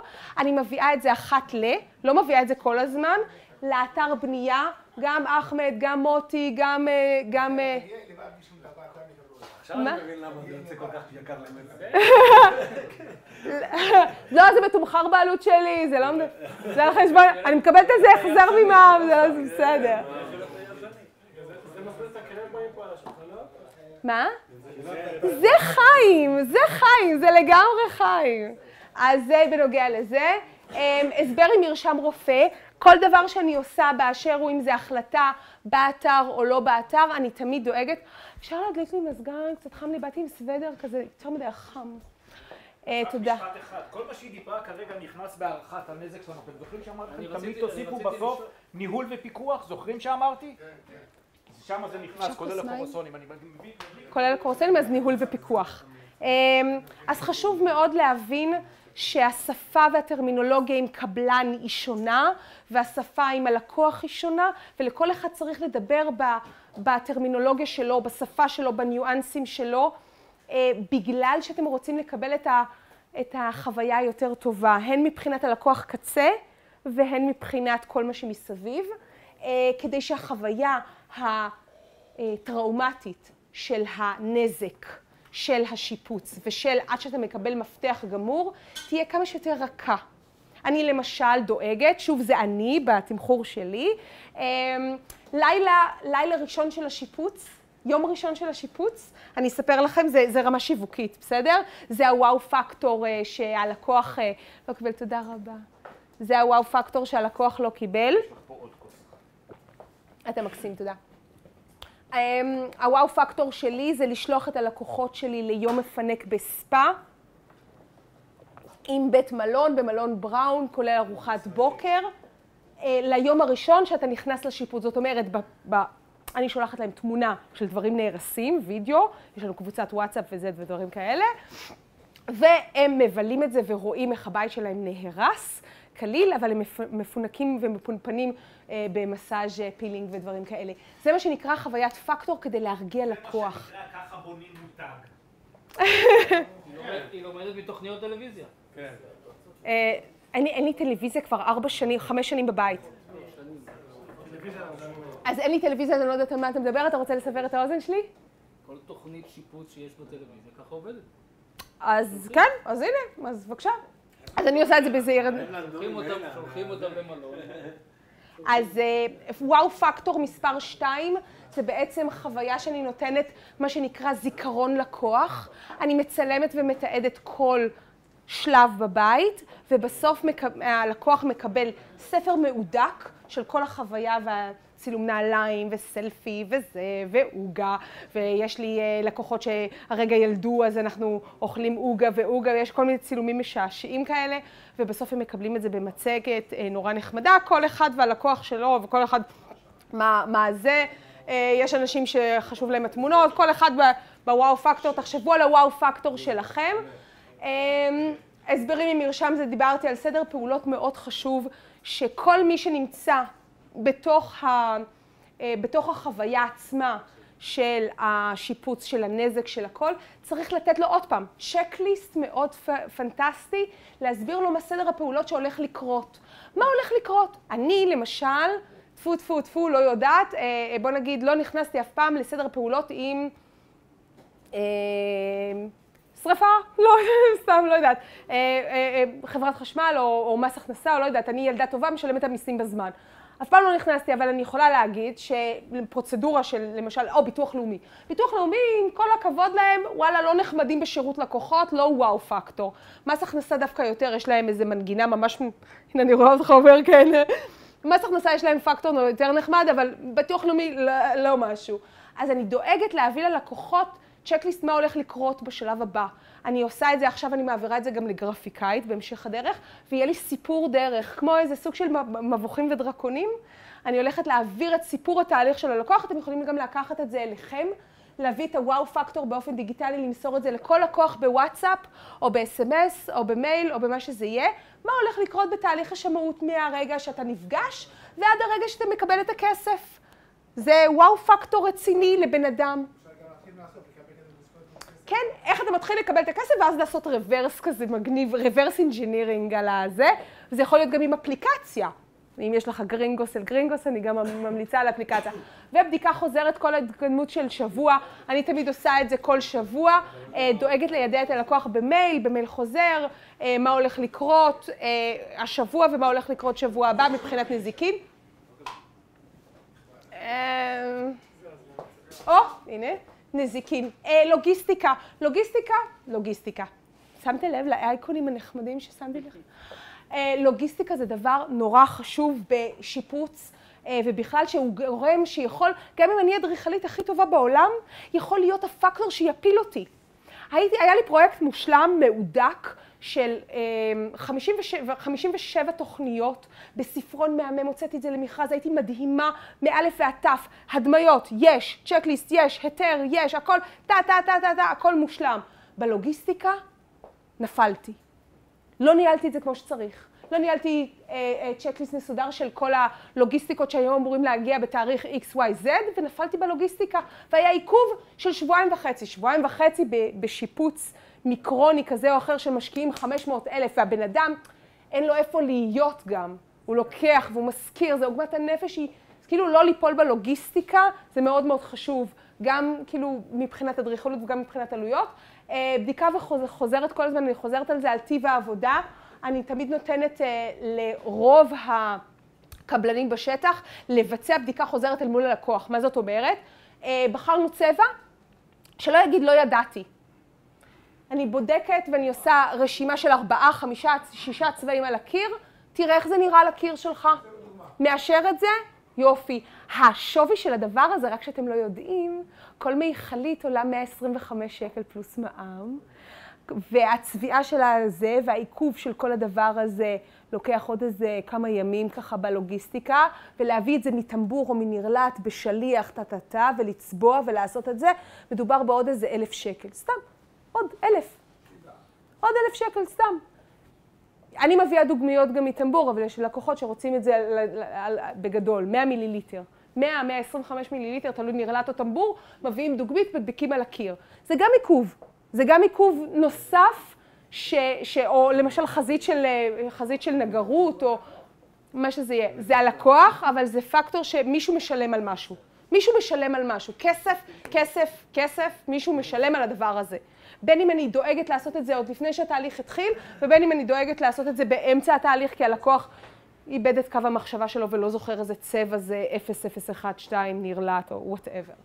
אמ, בדיקת נזקים זה הדבר שגורם אה, לעיכוב אה, תהליכים בדרך כלל של שבוע בערך בעבודה, שבעה ימים, עשרה ימים, שאני בודקת, ואז הלקוח בודק, ואז אני בודקת, ואז הלקוח עוד פעם בודק.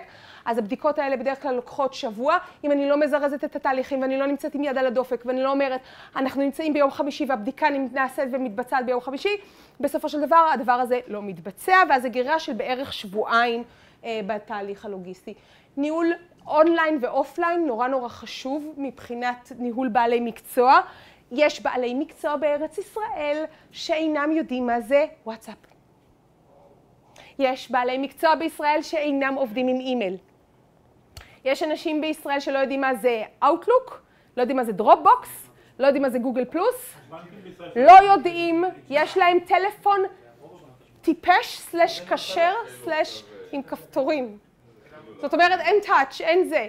אז, ואיתם צריך להתנהל, הם האנשים הכי טובים, אבל איתם צריך להתנהל ב offline ומערך לוגיסטי. זאת אומרת, תמיד מערך הלוגיסטיקה בשיפוץ צריך להיות מנוהל בין הלוגיסטיקה לבין ה offline. כמה זה עולה?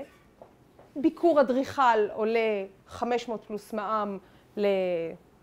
לדעת, שעתיים, משהו כזה, כזה. אה, אני דורשת יותר. אה, אני באה לא לפחות משעתיים, אני דורשת אלף פלוס מע"מ, רק לביקורת. אה, וכי זה זמן לוגיסטי שמבזבז לי ארבע שעות, כאילו הגעה, הלוך חזור, דלק, עניינים, את זה. אני בכלל לא נוסעת, זה גט טקסי נוסע עבורי, כי אני הבנתי שזה הרבה יותר חכם. זה לא חלק. זה חלק מהליווי שלי, אני מספרת לך מאחורי הקלעים. לא, לא, בסדר, אני אומר, זה לא חלק מההליך עצמו הרכב, בעל הבית קורא לך, זאת אומרת, למה הוא צריך לשלם על כל ביקור של חלק? לא, לא, לא, אני מספרת לך...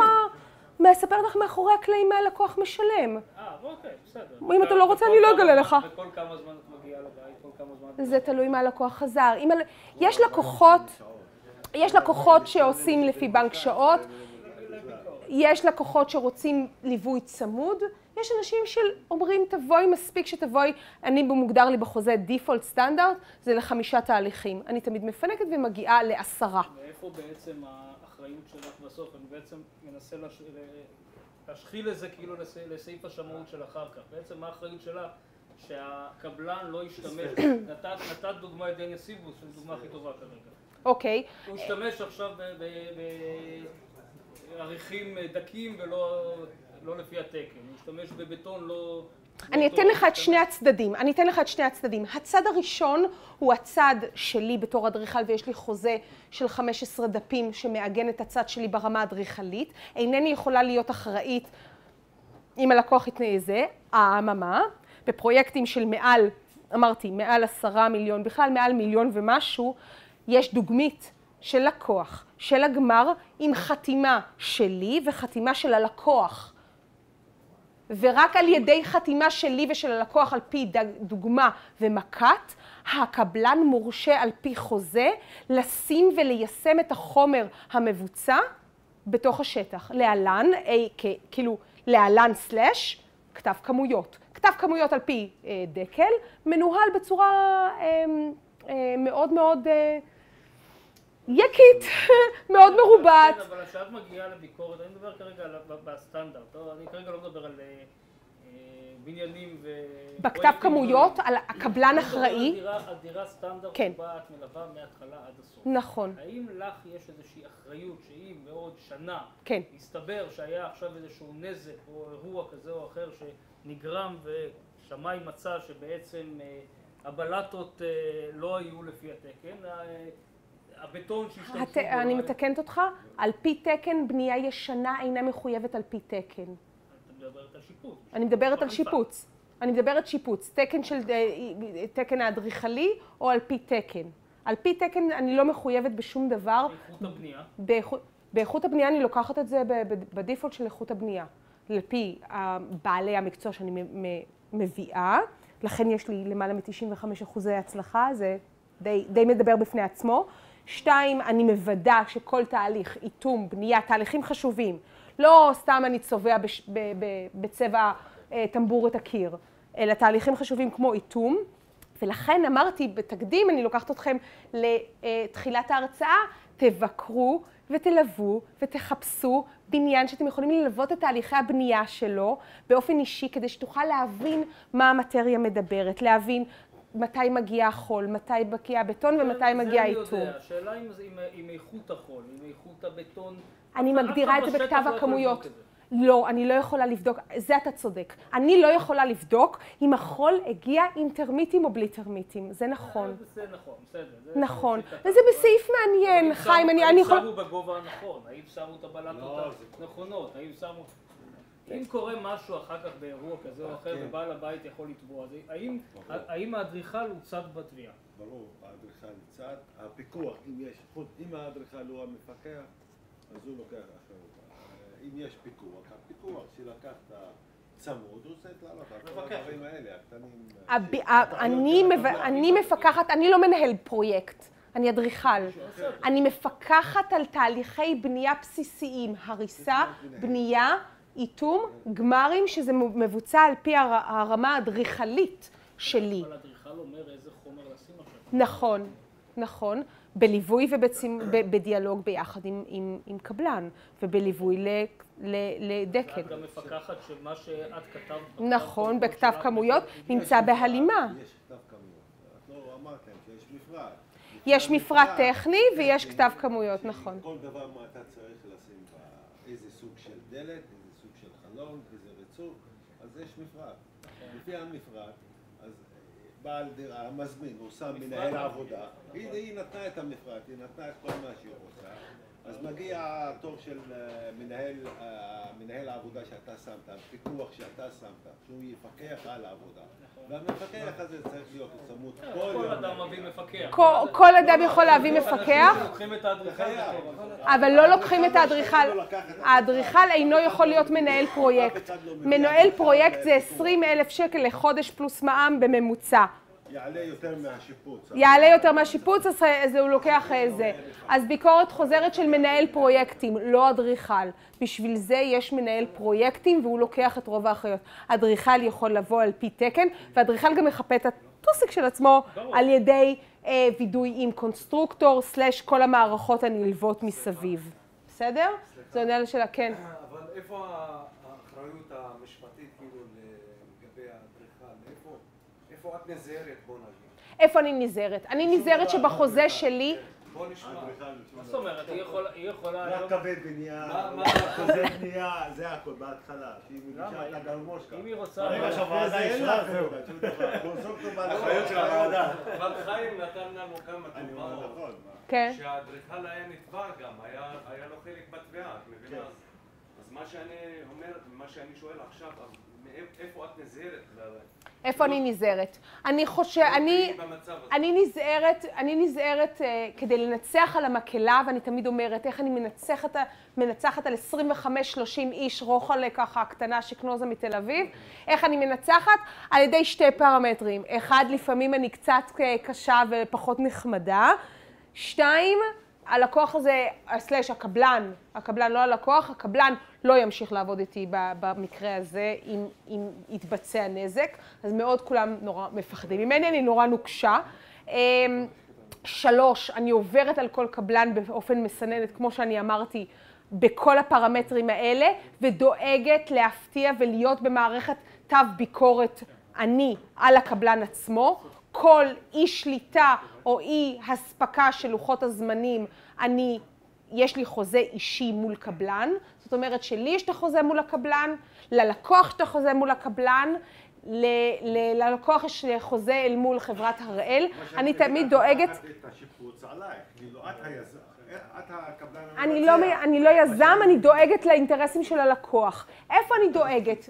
יש לי, יש לי, יש לי חוזה, שהחוזה אה, מונה למעלה, בערך סדר גודל בערך 15 דף, שיש שני דפים בתוך החוזה עצמה, שנוהלו על ידי עורך דין, ואני דואגת שהוא יהיה מעוגן כמו שצריך, וכל שיפוץ יש לי תוספת.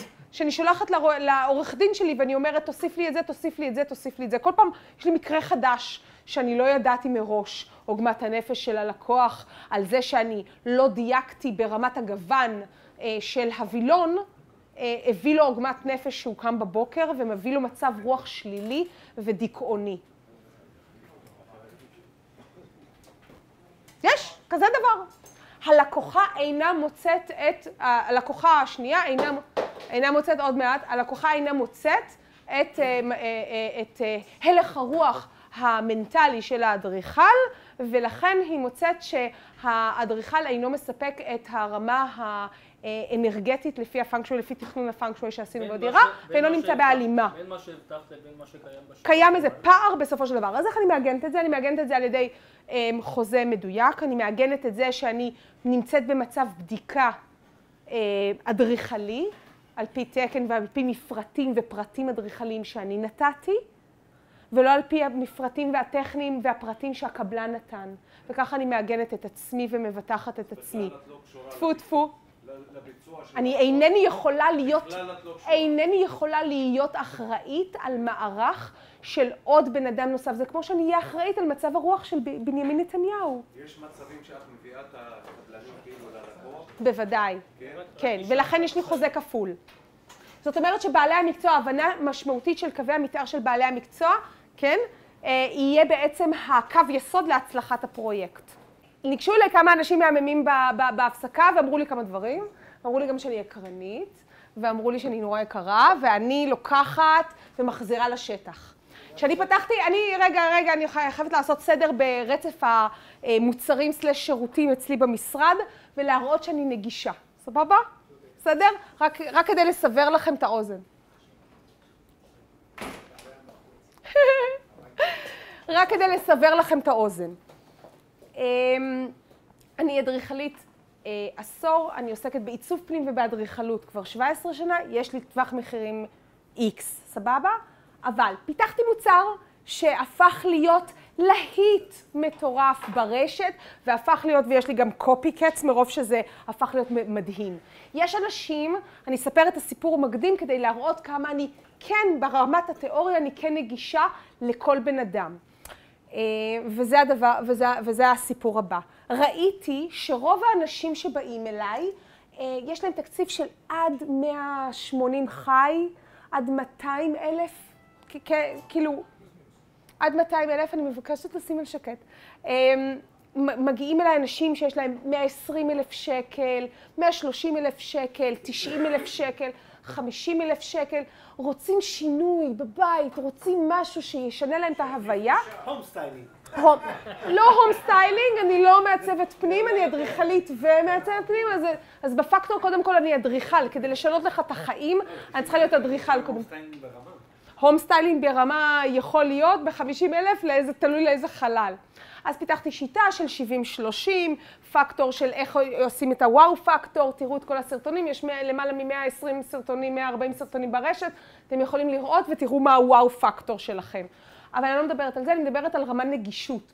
אז אני חייבת להראות אה, אה, איזה נקודה מסוימת, איך ניתן לפנות למה שנקרא ארץ ישראל, ואז איך, איך אתם תוכלו לפתח את זה לגישה שלכם.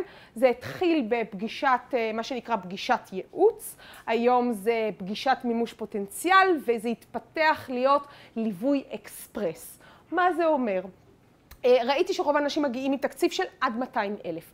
אין לי יותר מ-200 אלף, אין. הילדים עזבו את הבית, אה, זה ירושה, דודה והדודה, זה וככה, יש לי עד 200 אלף, 120, 130 וזה, אני רוצה שינוי בבית, אני רוצה גם קרמיקה, גם זה, גם פה, גם שם, גם זה. ו- ואני רוצה איזה wow factor כזה מהמם, ואני לא יודע מאיפה להתחיל, ויש לי רק 120.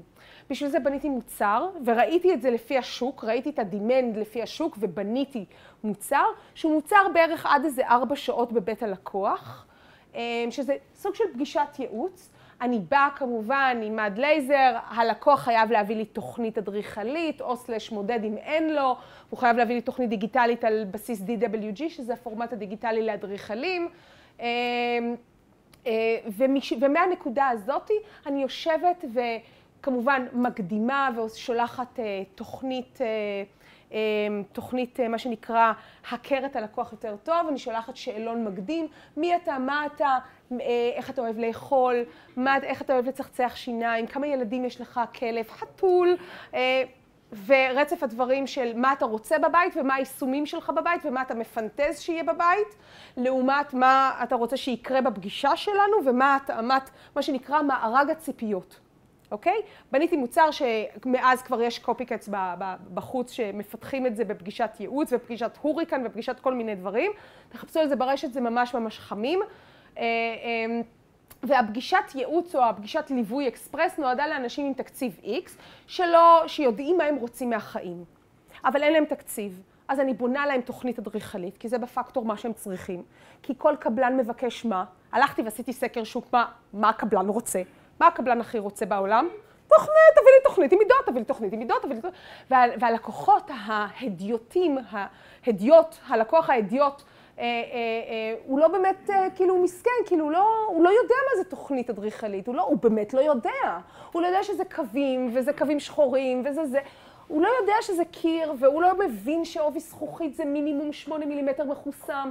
הוא לא מבין את הדברים האלה, הוא לא מבין שזה צריך להיות ניצב בתוכו ובפנים, ומה זה פרופיל U, ומה זה פרופיל Z, ומה זה פרופיל ניתוק אה, ארבעה וחצי, ומה זה פרופיל W.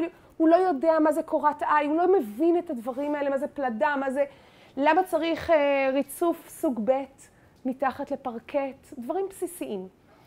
אה, שהם ברורים לי ולכם ולכולם, אבל לבעל הלקוח הרגיל הוא לא, זה, לא, זה, לא, זה לא מובן מאליו.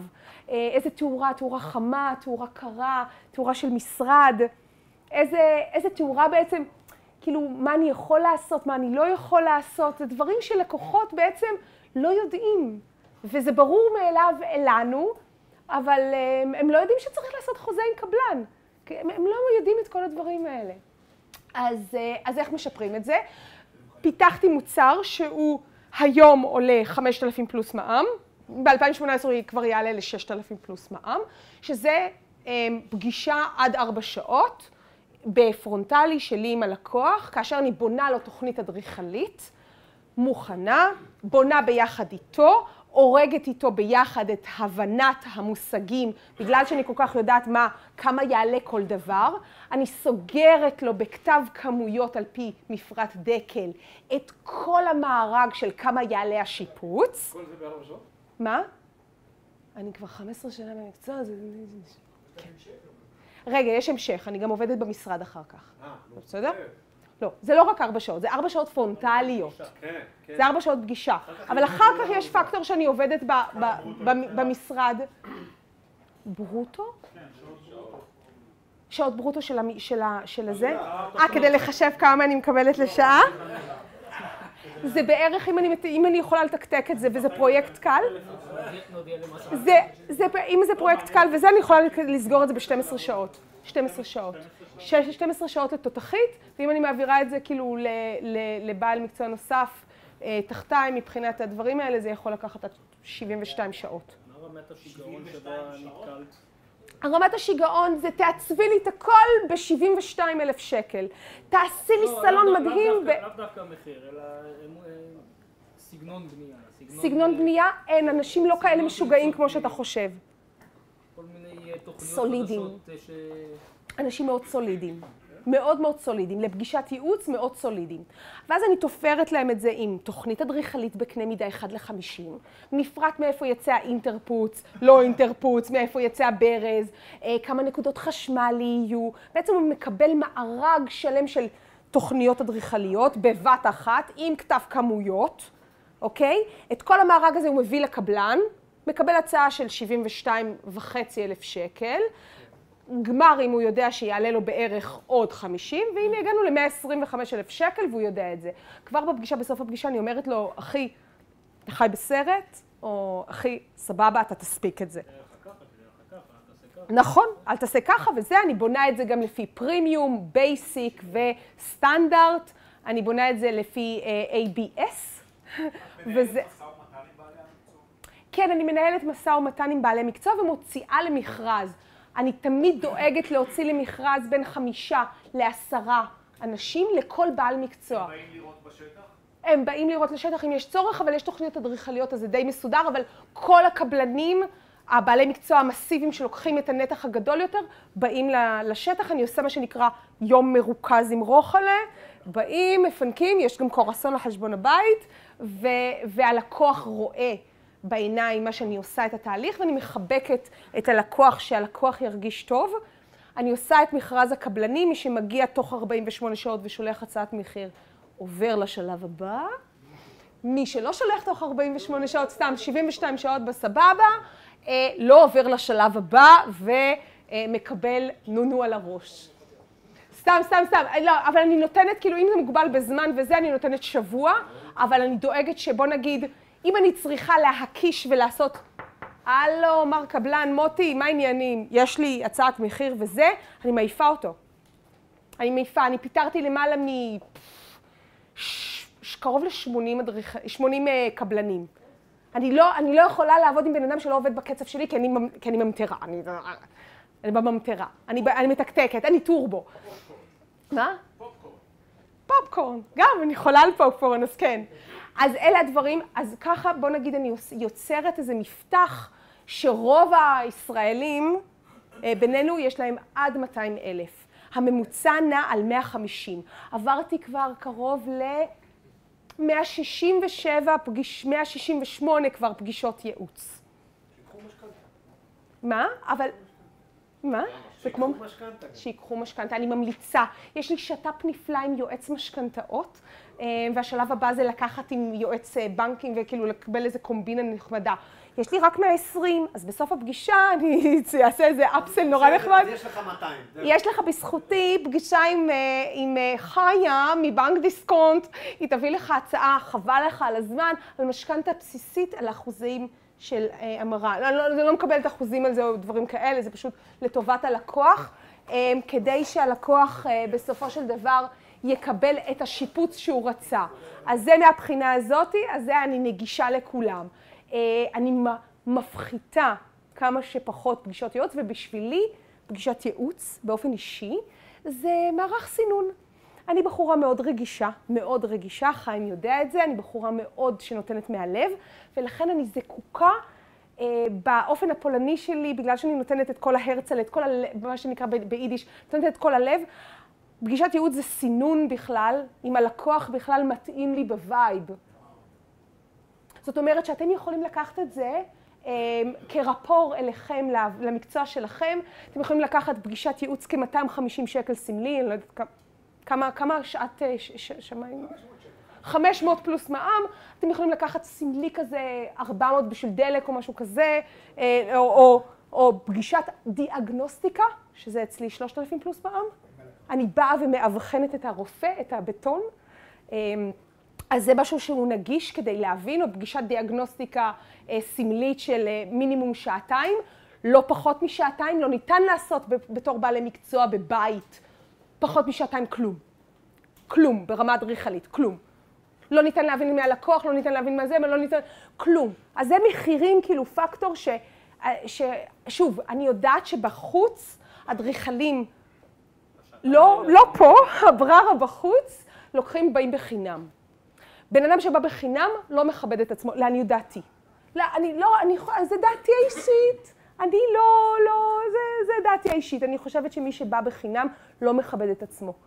השאלה אם יש אפסל מאוד מאוד גדול אחר כך, ואז זה לפרויקט של 60-70 אלף שקל, ואז רוב הקבלנים יכולים לעבוד על זה, וזה בסדר, וזה, וזה בש, כבול בשיטת המכירה שלך.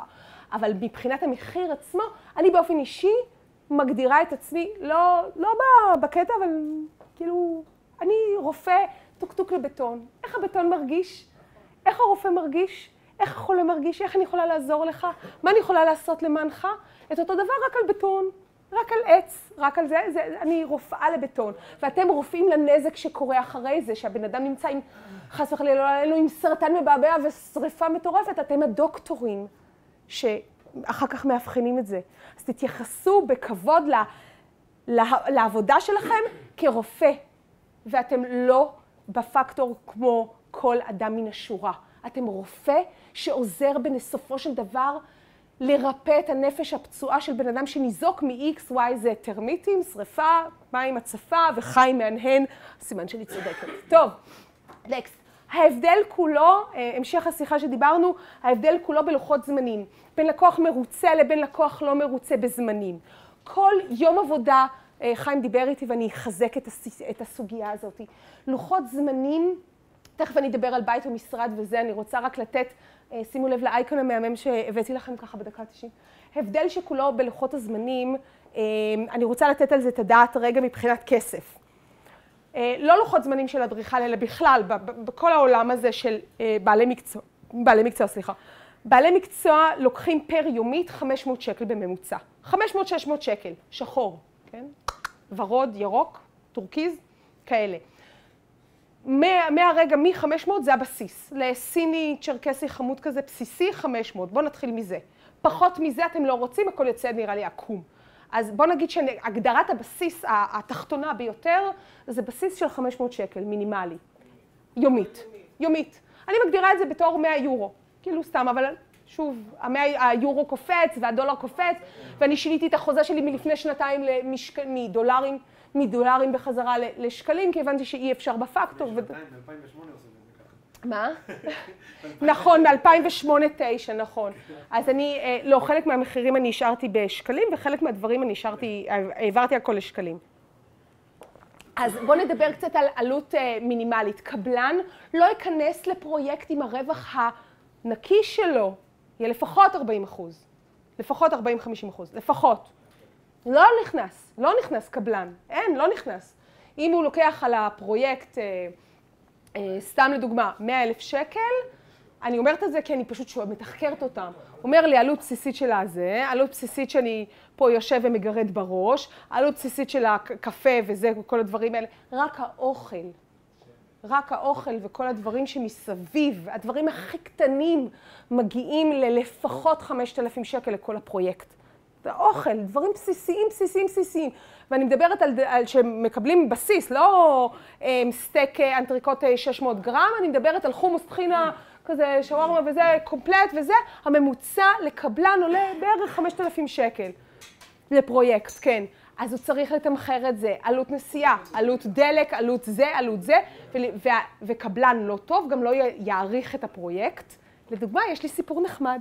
מר קבלן נחמד שהתחלתי פרויקט אה, בסביבות, הגדרתי לו 45 יום, והוא, והוא נגמר תוך 47 יום. אמ, הקבלן היה צמא, צמא, צמא לפרויקט נוסף, ותמחר את העלות של הפרויקט בתור מ-120, תמחר את זה בעלות ממוצעת של, הבאתי כמה קבלנים, התמחור היה סביב 80 אה, אה, פלוס 100, סביב ה-100 אלף, משהו כזה, והלקוח רצה להגיע ל-76 מקסימום, והבאנו, כולל מע"מ, זה היה 50 ומשהו, כולל זה. הלקוח הגיע למצב הקבלן, סליחה, לא הלקוח. הלקוח קיבל את הבית מוגמר, תכף אני אספר על ענייני הנזיקין שקרו בסוף הפרויקט בעקבות קבלן עם תמחור לא נכון, שגרם לקבלן לעשות ויברח. אתם יודעים מה זה ויברח? הוא לוקח את הדברים ועף מהמקום. אז, וזה קרה לי, זה קרה לי. לבן אדם שאני אני מכירה, וזה קרה לי ולא לא יכולתי לשלוט בזה. יש לי סעיף שכתוב בחוזה שאינני אחראית למצב הרוח, למצב גופו הנפשי הרוחני של מר קבלן. אני לא יכולה להיות אחראית על זה. כמו שאני אהיה אחראית על אה, אה, הצלחתה של גל גדות. אין קשר, לא, זה לא, לא קשור. אה, חוץ מזה שהיא מהממת ועושה לנו, אה, לנו דברים טובים בחו"ל ו, ודברים כאלה. אז הוא תמחר את זה לא נכון והוא סטה ב-30 אלף שקל. מה זה אומר? זה אומר שכל הפרויקט יתנהל בצורה מושלמת, כל הפרויקט יתנהל בצורה מושלמת. צריך משהו אחד שיגרום למפולת. משהו אחד. משהו אחד. הריצוף הוחלט סטנדרט 30 על 30 והריצוף אה, אה, זה. אממה, הוא לקח בחור נורא נחמד ורצף אה, אה, נורא נורא נחמד ו, ו, וסמי, וסמי מהמם, אממה, נורא איטי. והוא עשה, הוא עשה גם, הוא עשה גם שיפוע הפוך ולא טוב, והניקוז היה מופחת, ואני לא עליתי על זה בזמן, וזה לא היה אשמתי והקבלן ספג את זה. אבל הקבלן שיער לא נכון את זמן העבודה. זמן העבודה של קבלן, של רצף ממוצע טוב שעובד בזה, זה בערך על פיה ליום. נכון, חמש בערך, אלף שקל, אלף מאתיים שקל ליום, בסדר?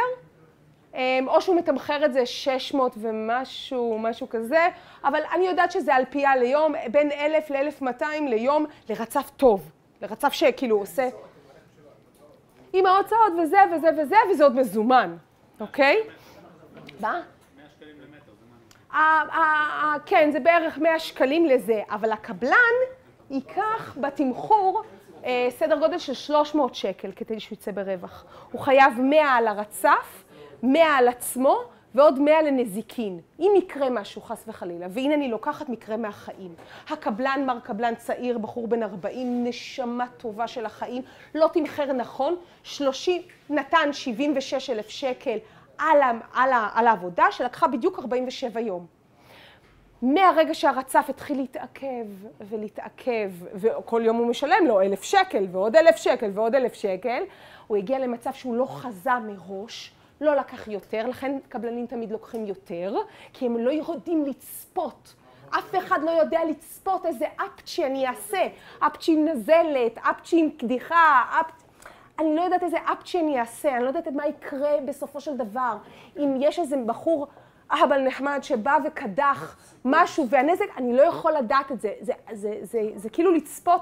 הנבואה ניתנה לשוטים, ומאז חורבן בית המקדש, וואלה, הנבואה ניתנה רק לשוטים, אי אפשר לחזות את הדבר הזה. הבחור צפה את זה לא נכון, אני צפיתי את זה גם לא נכון, לא ראיתי את זה, לא ידעתי שהבחור סמי סוס הוא, הוא בחור מבוגר יחסית, והוא לוקח כל בלטה, מנשק אותה, מתחבק איתה, מעגן אותה, ואז מדביק אותה. ואולי יכל לזרוק אותו, בדיוק. קרה מצב ב, ביום, אה, ביום 35, 30 ומשהו, אמ, שבסופו של דבר גרה אה, עוגמת נפש מבחינתי הלקוח, הקבלן, הלקוח לא ידע מזה, בסדר? הלקוחות. זוג הבנות של, הלקוחות לא ידעו מזה, ואז התהליך הפך להיות מסטיק יותר, והלקוח, והקבלן הפך להיות אה, עצבני יותר, וקשה יותר, וצביעת עוד, כאילו תפנק אותי, תפנק אותי כמה זה לצבוע קיר, 60 שקל למטר מרובע, אם אתם לא יודעים את זה אז שתדעו מעכשיו. סתם לדוגמה, ש, אה, אה, שליך תקרילי יכול להגיע לעד 300 שקל למטר מרובע, זה תלוי בסוג הצבע, אבל צבע כולל החלקה וכולל זה וכולל זה וכולל זה, יכול להגיע באמת בכיף ל-120 שקל למטר מרובע, בכיף. אבל משי, אני מדברת משי כמו טוסיק של תינוק. לא חאווה באמצע, לא, לא, לא, אני לא מדברת על סדקים. שפיח, ש, כן, שפכטל הוא שלוש ידיים, אני מגדירה בכתב הכמויות שלי שלוש ידיים עד לאישור משי של אדריכל, כלומר חצ'קונים קטנים כאלה ואחרים לא מאושרים אצלי. אז אה, כי אחר כך באים לטענות כאילו זה, זה השם שלי, אבל אה, למשל אה, פאקינג כמו שיש שם ודברים כאלה לא מאושרים, אני מסמנת על זה פתקית ורודה וחמודה עם לבבות ו- וזה מבוצע. לכן אני מאשרת את זה, לכן גמרים לוקחים יותר זמן, כי צריך לאשר את זה שלוש פעמים, פעם אחת שכבה ראשונה, פעם אחת שכבה שנייה, ואז החלקה, ואז אחר כך את, ה- את, את, את, את כל השלבים של הקרוסים, אה, כדי שההחלקה תהיה מושלמת. ואז צריך לתת שלושה ימים מנוחה. לכל האבק לנוח ולרדת למטה, ואז לצבוע את זה, לנקות את הקיר ואז לצבוע מחדש. לכן החלקת משי עד גמר אדריכל שלוש ידיים זה מה שנקרא סיוט מהנשמה, ובבנייה ישנה זה עוד יותר סיוט, כי הלקוח אף פעם לא יהיה מרוצה, כי הוא תמיד יראה משהו עקום. ואין משהו ישר באדריכלות, כלום. גם אם אתם רואים פלס, זה לא. אני אביא לפה לייזר, אתם תראו שכל המקום הזה עקום. אין שום דבר ישר בזה, ולכן הלקוח אף פעם לא מרוצה, הוא מרוצה תמיד ב-90 אחוז, ב-82 אחוז. השפכטל מכסה, אפשר להנעים את חוויית הלקוח ולגרום לו להבין שהדבר הזה באופן יחסי לדברים אחרים הוא ברמה טובה. אז איך נגמר סיפור מר קבלן? מר קבלן נעלם מהשטח, סיים את הפרויקט, היה בהיסטריה, יצא בהפסד ולקח הלוואה מהבנק של 20 אה, אלף שקל בערך, מהכיס שלו, כי תמחר לא נכון את היום עבודה שלו, הוא לא לקח בכלל את, את, את העבודה של עצמו. אה, הקבלן סמי סוסו לקח במקום שבעה ימי עסקים, מקסימום שמונה ימי עבודה, יצא אה, בערך אה, עשרים יום, כי הריצוף לא הוגדר מבחינתו כסטנדרט, זה היה 90 על 90 ולא 80 על 80. כל דבר נגרר, הקבלן מסכן יצא בעוגמת נפש, ואז הגיע השלב המרתק. מר, אה, אה, אני לא אנקוב בשמות, אבל בדרך כלל קבלן כן מתקן את זה. אה, שוב, זה היה מקרה מאוד מאוד חריג. לא היה לי מה לעשות בנוגע לזה. היה דלת שהורכבה, מישהו חתך מסמר שהיה תקוע בתוך הרכבת הדלתות, בסדר? מערכת הדלתות מורכבת ממשקוף ודלת, בסדר? המשקוף עצמו, בתוך, בתוך השטח של המשקוף היה מסמר שיצא החוצה. אני באתי לפיקוח ביום שני וביום חמישי. ביום חמישי באתי, ראיתי הכל היה מושלם, הכנה לדלתות ביום ראשון בבוקר. הבחור איחר מהדלתות. אמ, וכשאני הגעתי ביום שני לפיקוח, הגעתי ביום שלישי בבוקר לפיקוח, אמ, אני רואה פציעה שאלה, מישהו מכם ראה פעם מה קורה כשחותכים ברזל עם. מה קורה? חוטים גיצים.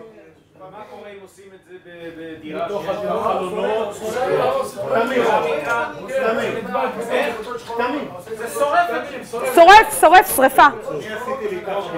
מקרה עצוב מאוד עצוב.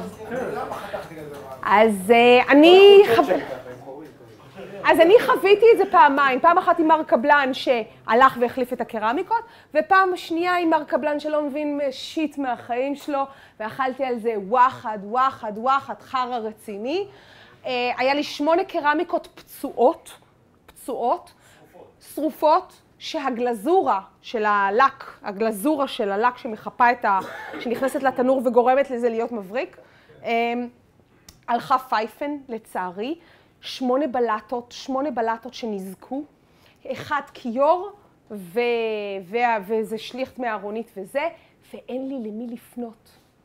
ואני במהלך של חודשיים, אה, והבחורות מאוד אהבו אותי, ו- ואני לא אספר סיפורים אחרים, חיים יודע את כל הסיפורים, אני, אני אסגור את הסיפורים האלה וככל זה, אבל בכל מקרה, אה, הבחורות מאוד ידעו שאני עשיתי את מיטב וזה, אני במשך 60 יום הייתי עם חברת הדלתות והקבלן. דלתות וקבלן, דיאלוג יוצא ונשנה, מי אשם, מי אשם, מי אשם. הדבר היחיד שגרם לי איפשהו לבוא ולהגיד ככה או ככה, אם אני אוכל...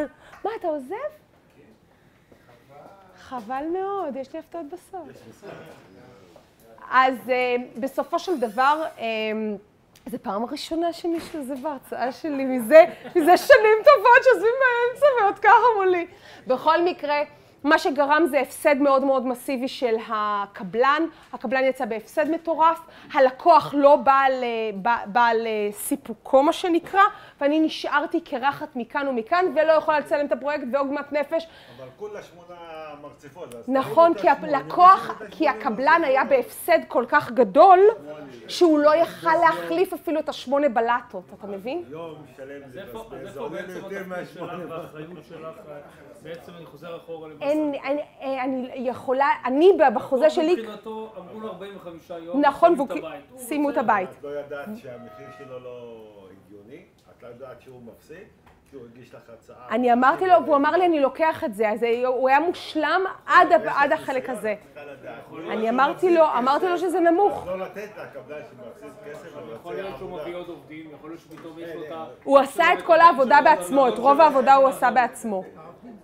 אז זה סיפור מאוד נחמד, ו- וההבדל הוא בעלויות, אה, בעלויות של, אה, של בעלי מקצוע, אז אתם יכולים לסבר את האוזן מה, מה ההבדל הזה וכל ההפסד, וזה היה אנקדוטה נורא נחמדה, ועוגמת נפש שלא ניתן בסופו של דבר, אלא אם, מה שאני הצעתי, שאני אהיה לטובת ה... לא ידעתי איך לצאת מזה, אז אני אמרתי, אני לטובתכן בנות.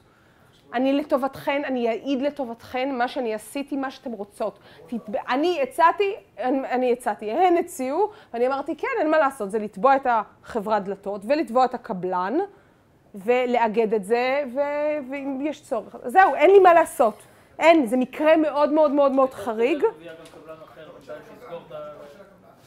אני לא יכולתי לסגור, איפה הפיקוח היה? הפיקוח היה, הפיקוח היה ביום חמישי, אבל חתכתם איתה, שמו דלת ויש בתוך הדלת מסמר, אני לא יודע מה. נכון. למה יש בתוך הדלת מסמר? שוב, הדבר הזה היה באחריות, לא, לא מובן. אוקיי, לא משנה. לא, לא, מובן, לא מובן כי זה היה בית ישן. לא, לא, אני הפיקוח העליון, לא פיקוח צמוד, אני לא מנהלת את הפרויקט. אני באה פעם בשבוע, במקרה הזה ספציפי באתי פעמיים בשבוע. הדבר הזה היה אמור להיות מבוצע, אבל אני לא יכולה להיות אחראית על מסמר. אפשר ללכת לבית משפט, לבדוק את זה וזה.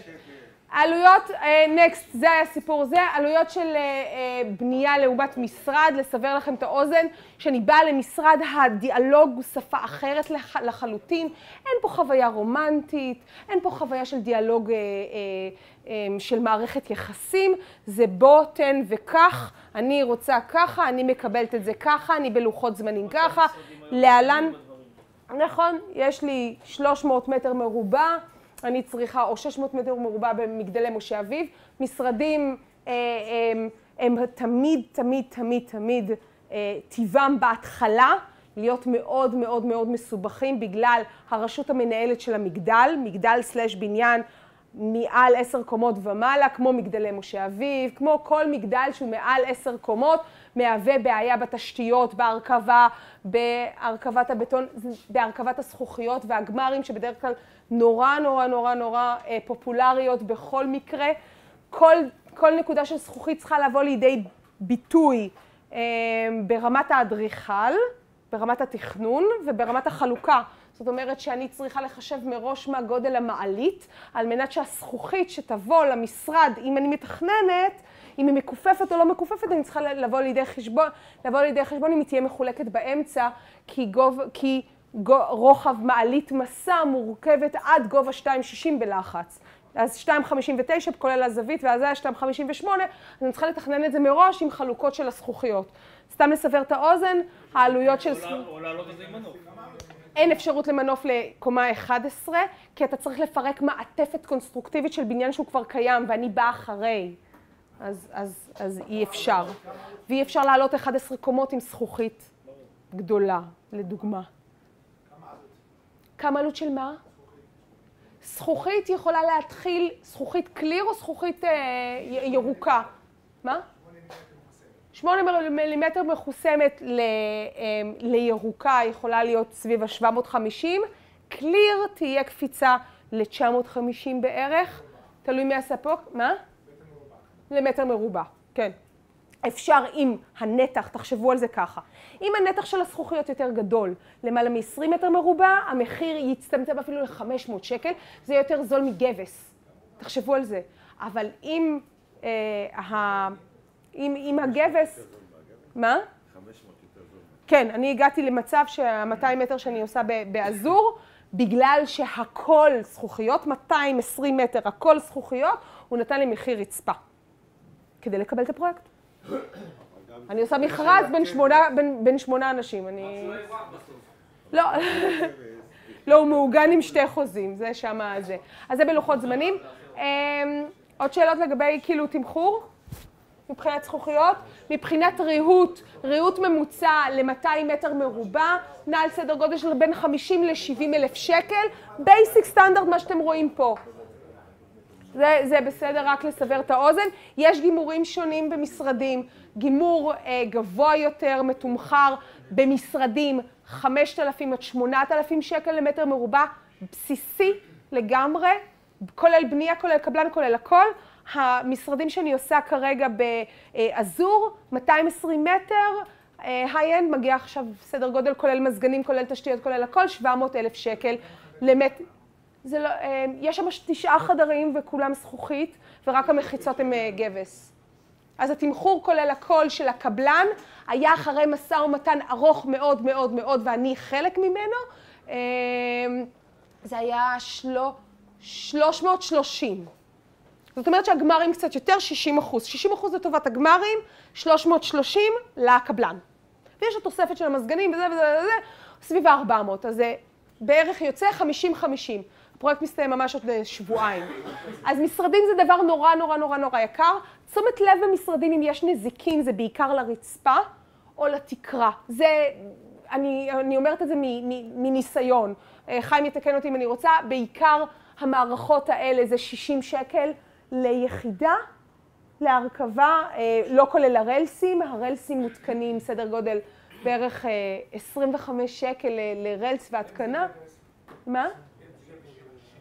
גב, מה, של גבס של איטונג, עם, עם הבידודית, זה גם מתומחר סביב, אה, אני חושבת, 300 ומשהו לסטריפ יחידה ענקית של אה, אה, בידודית עם אקוסטי. השאלה איזה אקוסטי.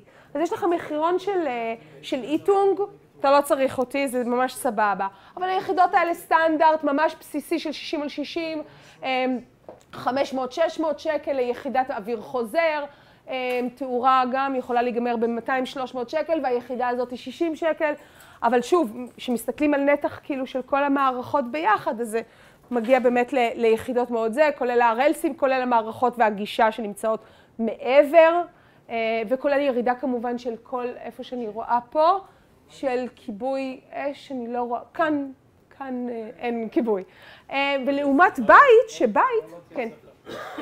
מחדד את זה, את אומרת משרדים מרמת מעטפת לגמר... מרמת מעטפת בטון כלום עד רמת זה. מתחיל מ-3,000 שקל הגיוני מאוד, הגיוני מאוד, בסיסי הגיוני מאוד. אם אתה רוצה אפילו, בוא נלך על, בוא נלך על כזה דבר, על כזה, איפה שאתם רואים פה. סתם לדוגמה, בערך לדעתי זה מוערך 2,500-3,000 שקל למטר מרובע כאן. לא פחות. לא פחות. פרקט, הנחה, פאנלים, זה תשתיות חשמל, כל המערכות האלה וכולל הזה והזה. הגיוני מאוד בסיסי, 3,000 שקל, זה טוב ונחמד ולא יותר מדי. פה הם קצת השתגעו, כאילו הם בטח רצו זכוכית קומפלט על הכל והתפשרו על החצי פה עד מטר וחצי, וגם פה הם רצו בטח יותר פנסי והתפשרו על משהו אחר, אז אני אומרת שיש דרכים אה, של זה, אבל שוב, למשל סתם היחידה הזאתי מוערכת בערך ב-5,000 שקל, אה, כולל ביצוע זכוכית. זה סתם לדוגמה, כי אני עשיתי את זה לפני שתיים וחצי דקות בפרויקט אחר, אז אני יכולה להגיד לכם אה, כמה שזה. אז זה לא פי ארבע. מה? עכשיו שם פי ארבע? פי. נ-.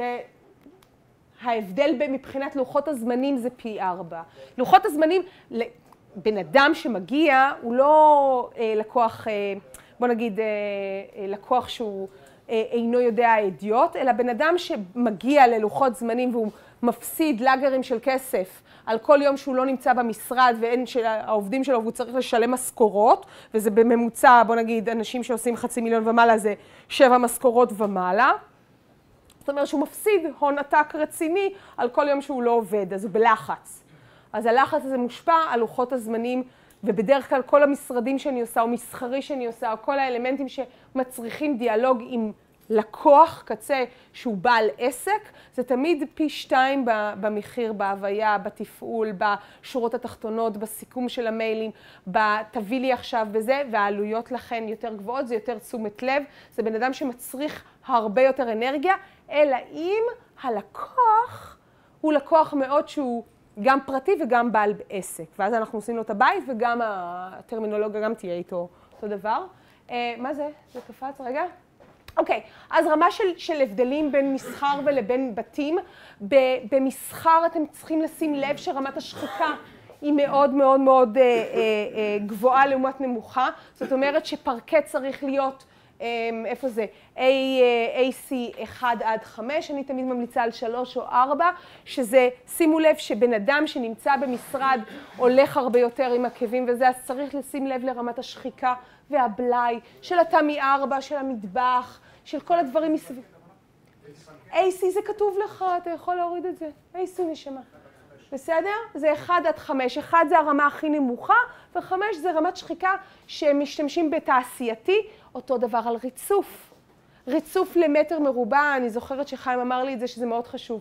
ריצוף סטנדרט יכול להתחיל מ-60 שקל למטר מרובע, 60 על 60, אוקיי? החומר הלבן, והחומר השחור ממתחת, equivalent עוד 60 שקל, 60-70 שקל, בסדר? זה תמיד נע של 50 אחוז. כלומר, אם אתם מסתכלים על חומרי גמר באשר הם, תמיד חשוב שתסתכלו על חומר לבן, כל מה שיש עליי, והחומר השחור זה מה שיש מבפנים. ותמיד להתייחס בכבוד גם למר קבלן שעושה את זה, או לעבודה עצמה בכלל שמתנהלת, לעומת החומר הלבן. החומר הלבן זה הסטנדרט, כאילו מתחיל מ... 50 אחוז מעלות הפרויקט ויכולה להגיע לגמרים מאוד גבוהים. ההבדל למשל להיי-אנד, אני חושבת גם ברמת, ברמת הגמרים, אני חושבת שזה פה, תכף אני אדבר על זה. ברמת הגמרים יש לנו אה, רמות שחיקה שונות אה, ושאנחנו יכולים אה, לדעת איך, בוא נגיד, להתייחס לרמת שחיקה באמבטיה למשל, בחללים רטובים, לעומת חללים שהם חללים משרדיים שהכל חייב להיות ברמת גימור גבוהה יותר. שוב, מדברים מתהליך של סטנדרט 3,000 ועד ומעלה. רמת התנועה במשרדים נעה ברמת שחיקה גבוהה יותר, זאת אומרת שהסירקולציה שאני אעשה יהיה לפחות חמישה צעדים במשרד על צעד אחד וחצי שאני אעשה בבית. אז זה, היחס הוא פי חמש. לכן חשוב מאוד להסתכל על גמרים, לכן שאני עושה משרדים, אני תמיד שולחת את הפרקט לחתימת לקוח. חתימת לקוח על גבי פרקט דוגמית קטנה כזאתי, בדרך כלל זה ב-A4, אני דואגת שהוא יחתום על זה, ואני אחתום על זה, ואז זה נשלח בשליח ל, ל, ל, לא, ל, ל, לאתר בנייה, ומאושר. זאת אומרת שאני מצלמת את זה, מתעדת את זה, שולחת את זה במייל ללקוח ולקבלן, ואז רק אחר כך הוא מיישם את זה בשטח וסופג את זה מחברת חברת הקרמיקה או חברת הפרקטים. נכון. אז בוא נגיד שהסטנדרט הבסיסי החמוד ביותר, לפטו, מבריק, מט, לא משנה, 60 שקל למטר. זה ההתחלה הכי בסיסית, וזה ממש מחיר, כאילו, רצפה והכול, למען לקחת את הפרויקט. אבל זה בסיסי, אבל הוא ירוויח על משהו אחר. יכול להיות שהוא ירוויח על המזגנים, יכול להיות שהוא ירוויח על הגמרים, יכול להיות שהוא ירוויח על הזכוכית, אני לא יודעת על מה הוא ירוויח, אני יכולה לשער שהוא ירוויח על הזכוכית, שהוא יצא ברווח יפה, שכולם יהיו מרוצים והכל יזרום, והממוצע של 200 מטר זה סדר גודל של שלושה וחצי חודשים, ארבעה חודשים, אם טפו טפו טפו לא מתעכב שום דבר. אפשר לסיים את זה יותר מהר, אבל במגדלים ומשרדים ודברים כאלה חשוב שתדעו שזה מתחיל להיות יותר גבוה בגלל שאנחנו חייבים להיות עם האיגוד המנהל של הבניין והמנהל של המבנה וכל מה שקשור להנהלה של, ההנהלה של הבניין, היא ההנהלה של הבניין מחייבת אותי ומעכבת לי תהליך העבודה והייצור של הפרויקט. אמ, לגבי אה, גמרים במהלך בנייה, כל נזק באשר הוא במהלך בנייה, אה, אני מתייחסת אליו, תהרוס, תבנה מחדש. תהרוס, לא לפי התוכנית, תהרוס, תבנה מחדש. לא לפי המידה הזאת, תהרוס, תבנה מחדש. הנזק של הקבלן זה פי שתיים, וככל שאנחנו מתקדמים בפרויקט, הגמרים נעשים יותר יקרים. זאת אומרת, ברמת השלדה, בטון, חול, חאווה וזה ודברים כאלה, זה בסדר, הוא אומר לי, יאללה, יאללה, הכל בסדר. ואני מודדת אותו והכל בסדר, רמת בנייה עוד בסדר. הופה, מתחילים עם אינטרפוצים, כל נקודה של מים, אם אתם לא יודעים, מוערכת בערך ממוצע קבלן לפי דקל 1,200 שקל. 1,200 שקל לחור אחד של יציאת מים. זאת אומרת, אם אנחנו מסתכלים על המטבח כאן, יש לנו שתי נקודות, זאת אומרת 2,000 שקל שילמו כבר על הנקודות מים. אם אני רוצה מים חמים ומים קרים, שלוש נקודות. אל ת... אל, אל, אל, אל, שלא תחשבו שזה פחות מזה, אוקיי? אז אה, היום גם יש מה שנקרא אינטרפוץ שלוש דרך, ארבע דרך, חמש דרך, זה עדיין חמשת אלפים שקל אם זה חמש דרך, ואני לא ממליצה דרך אגב על חמש דרך, יש בו הרבה הרבה הרבה תקלות, בארצות הברית זה פחות קורה, אבל הגמרים ב- בישראל ברמת החמש דרך, אה, מישהו לא יודע מה זה שלוש ארבע דרך? להסביר? סבבה. אז חמש דרך זה פחות מומלץ ברמה האדריכלית, כמעט רוב האדריכלים עובדים, אפילו הגדולים ביותר שהם חברים טובים שלי ומכרים, תמיד הולכים על שלוש דרך, שניים של שלוש דרך. חמש דרך זה אומר אה, גם אופציה לאמבטיה, גם אופציה של חמש יחידות של יציאות מים, למשל הזרקת אה, מים של ג'קוזי. אה, לפעמים לא רוצים, לפעמים רוצים שזה יהיה הומוגני באחד. לא לחסוך 100 שקל, אלא לחסוך בחזות ההסתכלותית של כל, בחזות העיצובית של הכל. פחות חורים. פחות חורים, פחות אלמנטים, יותר מינימליסטי. זה בדרך כלל בפרויקטים מודרניים יותר, אף על פי שהגישה השתנתה לי בחמש שנים האחרונות, לקחת את זה reverse, חזי בנק התחיל עם זה, של שניים, של שלוש דרך, במקום לעשות של ארבע דרך, כי האובייקט הוא אובייקט רוזטה מאוד מאוד גדולה. של האלמנט, ואז קשה לנקות את זה, לא נראה טוב, נראה זה, נראה זה. אז יש היום אינטרפוצים קטנים, שעולים בממוצע החל מ-600 שקל ומעלה, של חמת ומעלה. הלהטתי אותך? מה, מה, מה אתה לא מסכים איתי? אה, מסכים? סבבה. אוקיי, אז אינטרפוץ שלוש דרך מתחיל מ-600 שקל ומעלה, אה, מט, מבריק, גמרים.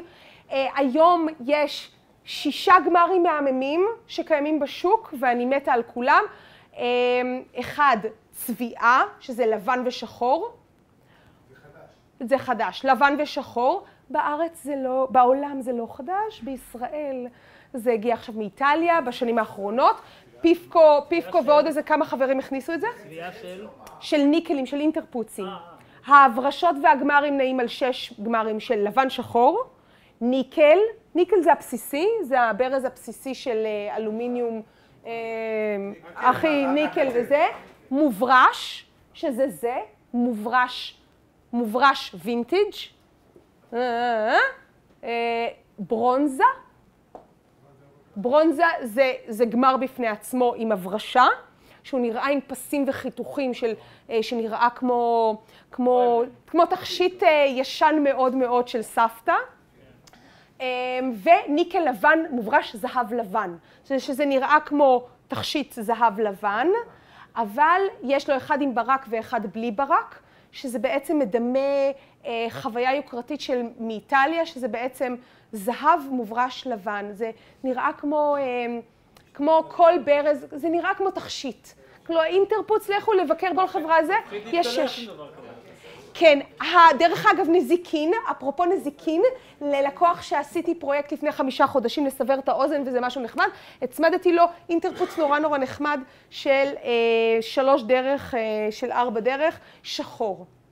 והוא הגיע מאיטליה, וקצת אבנית, וגירות של איזה משהו, והצבע התקלף, צבע הציפוי של, של הזה שהוצמד על הניקל התקלף, והחברה נאלצה להחליף את זה, אמנם תוך 48 שעות כבר היה טקטוק של הדבר הזה, אבל מוברש, אה, מוב, לא מוברש, שחור ולבן, הצבועים למיניהם, הם לא טוב לארץ בגלל, הם לא טובים לארץ בגלל האבנית. לכן אני לא נוטה להמליץ עליהם, אלא אם זה במסעדה של פיצו קדם, ואז כאילו... הרגיל עובד.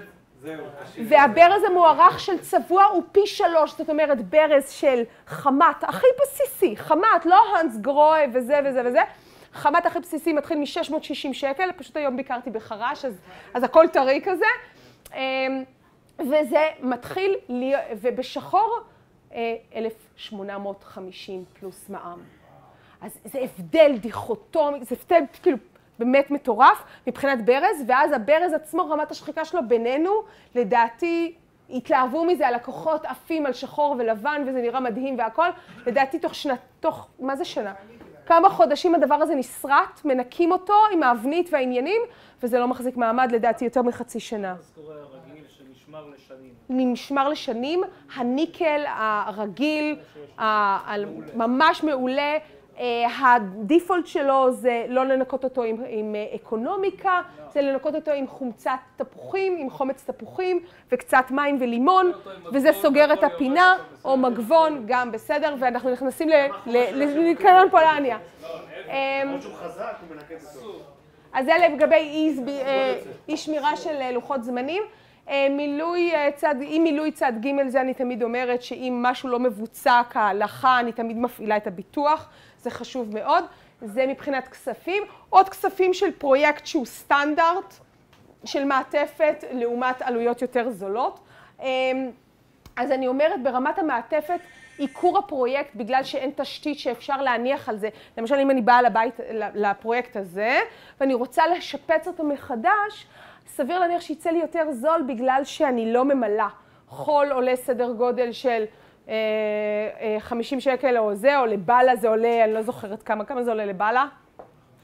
120. 120 לבאלה של חול. אז תחשבו על 100 מטר, כמה, כמה בלות צריך, אה, כמה בלות צריך למלא 100 מטר, לא יודעת.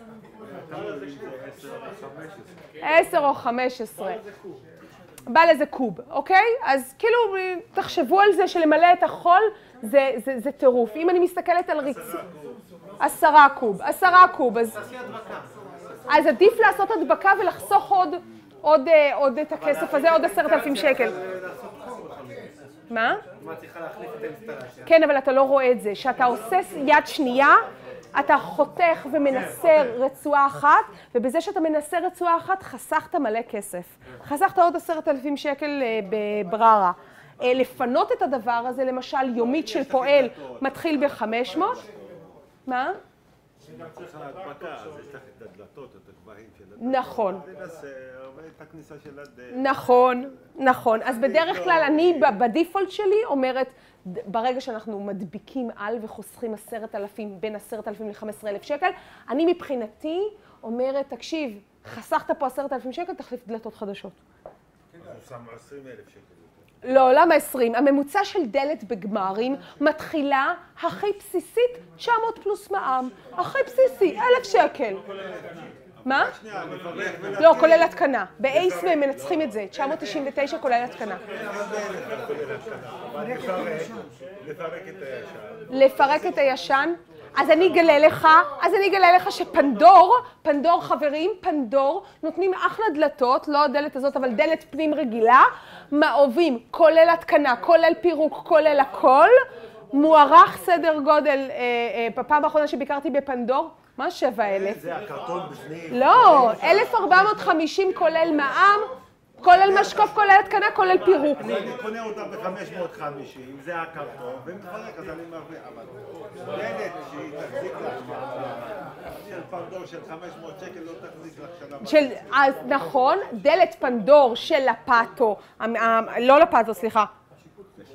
דלת פנדור שהכי זולה של 900 ומשהו, עם, ואין לה נקודה של רטוב, אין לה נקודה של wet door, שמוגדרת ב-5-6 סנטימטר, סליחה, רגע, אני צועקת, זה גומר לי את הכל. לא, אני מוכר לו דלת עכשיו. אז דלת ממוצעת של 900 לא תחזיק יותר משנתיים בדירות סטודנטים, ושאני עושה הרבה ליוויים לדירות סטודנטים להשבחת נכסים בבאר שבע והדרום. התקציב המקסימלי הוא 70 אלף שקל, ואנחנו... לקחת את הדלת, basic של... אה, הכי פחות, יש גם היום ב-350-400 שקל. כן, אבל זה לחודש. זה עשוי, זה עשוי מנייר, נכון? תשע שנים. והיום, וואי וואי, תשע שנים, ארטיק לפני תשע שנים עלה שקל שמונים, היום הוא עולה כמעט שלוש. היום אלה המחירים היום. זאת אומרת, עשיתי לפני ש- תשע שנים את השיפוץ, הדלתות החזיקו. בדירה שמכרתי לאחרונה, יופי. מהמם, אז זה תלוי ברמת השחיקה. אני תמיד מסתכלת על רמת השחיקה של הלקוח. אני תמיד שואלת אותו מראש, כמה, מה אתה עושה, מה אתה עושה עם הזה, כמה, כמה אקונומיקה. אני תמיד, בין השאלות הראשונות שהיום הייתי עם לקוחה וליוויתי אותה בחרש קרמיקה ובעוז קרמיקה, אמרתי לה, כמה את אוהבת לשטוף עם אקונומיקה ואיזה אקונומיקה. הגעתי למסקנה שלמשל, פאנל אה, מ-PVC אינו יכול להיות פר הלקוחה הזאתי. למה? כי תוך שנתיים זה פשוט יתנתק, בגלל שתשפוך חולת ניקיון. אלא אם, אם תלך לפולניה לאיזה אשכנזייה, היא לא, היא במקרה היא תימניה, שופכת לאגרים של זה. אם תלך לאשכנזייה, יומיים לפני זה, או הלקוח שאני נפגשת איתו מחר, יגיד לי, אנחנו מנקים פעם בשבועיים ומטאטא וזה. רובוט הוא היחיד. או iRobot, בדיוק. אז רוב האשכנזים זה iRobot. אמ, באמת, אני אומרת, סטטיסטית, רוב האשכנזים זה iRobot. אז הבדל בין סטנדרט ל high-end, הגמרים בדרך כלל ב high-end ומעלה זה חודשיים המתנה. בדרך כלל בעלי מקצוע של high-end. אני מדברת נגרות, למעלה מעשרת אלפים שקל למטר מרובע. כל הדברים שהם high-end בטירוף. לדוגמה, אנשים שאם אנחנו חוסכים ממש בעלויות נמוכות ואנחנו מדברים על שולחן כזה, הכי סטנדרטי שיש, משהו שהוא בסיסי, אה, סנדוויץ' סלאש, סנדוויץ' זה עוד יוקרתי, כן? אה, סיבית מלמין, סיבית סלאש מלמין, תודה רבה, עם, עם חיתוך וזה, ממש בסיסי ופינה, ופינה תואמת, יכול להיות אה, 500 ומשהו לרהיט, אפשר לסגור את הפינה הזאתי. על מטבח לא כדאי. על מטבח לא כדאי לא מלמין, אפשר סנדוויץ'. לא כדאי בכלל לחסוך. אבל מלמין יכול להחזיק, אני אגלה לכם, מלמין יכול להחזיק 15 שנה בקייף, וגם 20 שנה, אם לא מזיזים אותו, אם לא נוגעים בו, אם הכל נעשה בצורה עדינה, כזה פולנית, ורמת השחיקה היא לא אגרסיבית מדי, אני ראיתי אצל בחורה שקיים אצלה 17 שנה ארונות מלמין, שמורים, בונבון, אבל היא בחורה אשכנזיה, לא משתמש. לא משתמשת הרבה, בסדר? מה זה לא משתמשת הרבה? משתמשת כל יום פעם אחת ביום ולא ארבע פעמים, ואין ילדים ואין זה ואין זה, ו-17 שנה סבבה. כל עוד לא מזיזים את זה. אה, זמן עבודה אה, אה, איטי ללא אישור זה אחד מהדרמות הכי גדולות אצל קבלנים. קבלנים שאני עובדת איתם שהם בלואו קוסט, שהם, רמת התמחור זה כאילו להתגלגל בעבודה, שמחזור. הכסף, המחזור החודשי, התקציב החודשי ימשיך להתגלגל בכסף, הם מתגלגלים מפרויקט לפרויקט, מתגלגלים מפרויקט לפרויקט ויוצאים בלי, כמעט בלי רווח. זה בדרך כלל עושים דברים בלי אישור, בלי זה, בלי פה, בלי שם, כל מיני דברים שגורמים לאי אספקת עבודה כמו שצריך. אה, הורדה לביצוע, בדרך כלל בלואו קוסט מורידים לביצוע בלי אישור, אין חתימה, לא על הגמרים, לא על הזה, low cost, יאללה, חאווה וזה, כל הדברים האלה מאוד מאוד נמצאים ב low cost, אה, כדי לחסוך, מה שנקרא, לחסוך בעלויות. לעומת high-end שלוקח פי 2 ופי 3, אה, לעומת ביצוע סטנדרטי. סתם לסבר לכם את האוזן, מלמין, אה, מטבח מלמין חמוד חמוד חמוד ונחמד ומתוק של מה שיש פה יכול להיסגר ב-5,000 שקל, כולל שיש ברז בפינוק, לעומת או מאיקאה, שזה בערך 3,700, או איקאה, לעומת נגר וביצוע high-end עם סנדוויץ', וזה יכול להיות, לא, יכול להיות סדר גודל של 35,000 שקל, לא כולל שיש ולא כולל זה, ואז אה, אה, שוב, הממוצע למטבח, הממוצע למטבח נע בין 35 נורמלי וצפונה. יש לי מטבחים שעשיתי ב-100,000 שקל, יש לי מטבחים שעשיתי ב-150,000 שקל, ויש לי מטבחים שעשיתי ב-3,000 שקל איקאה. מה? של מה? של עץ מלא? 1,750 פלוס מע"מ בהתחלה. אם זה צבוע בתנור, צבוע בתנור בצבע, צבוע בתנור עם צבע עם שחיקה ופרזול, צבוע בתנור עם חיתוך CNC, צבור חתוך בצבוע בתנור עם CNC ופרזול מוטבע בפנים, לא יודעת, מה? מתחיל מ-1750 ומעלה, בסדר? לא כולל התקנה. כולל התקנה אתה יכול להתחיל עם 2,000 שקל למטר מרובע. Basic, הכי basic של מטבח, יכול להתחיל ברמת האיקאה. באמת, כולל הכל, יכול להיות סדר גודל באמת. כן, ארבע וחצי, חמש, לכולל הכל, כולל ברז, כולל זה, כולל שיש, כולל... זה סטנדרט. שיש לדוגמה, אמ, שיש זה דבר, חבר'ה, שיש לדוגמה, אוי, אני אוהבת לעשות את זה. שיש לדוגמה זה דבר מאוד מאוד קשה, אמ, שחייבים לדייק בו, רמת הנזק עליו היא אלפים. אני חוויתי מספר שישים במהלך שיפוצים, בסוף השיפוץ, שנזקו ממש בשריטה. ואני אפילו לא שמתי לב לזה, אלא הלקוח שם לב לזה, או הפיקוח, ונאלצנו להחליף את הכל, והקבלן ספג את זה.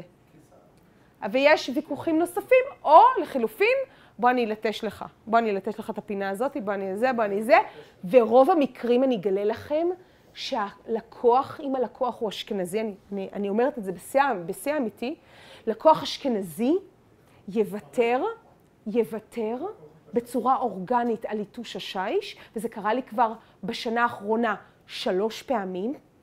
שלוש פעמים הלקוח האשכנזי ויתר, והלקוח, סליחה, בלי גזענות וזה, אבל הלקוח הלא אשכנזי באשר הוא, כי היה לי חתך של אה, יופי טופי, לא ויתר, לא ויתר, והממוצע הוא בדרך כלל ששורטים איזו שריטה כזאת, או בבוטשר, שזה אה, 1,000 שקל, 1,500 שקל למטר מרובע, כולל התקנה. 4, מיל...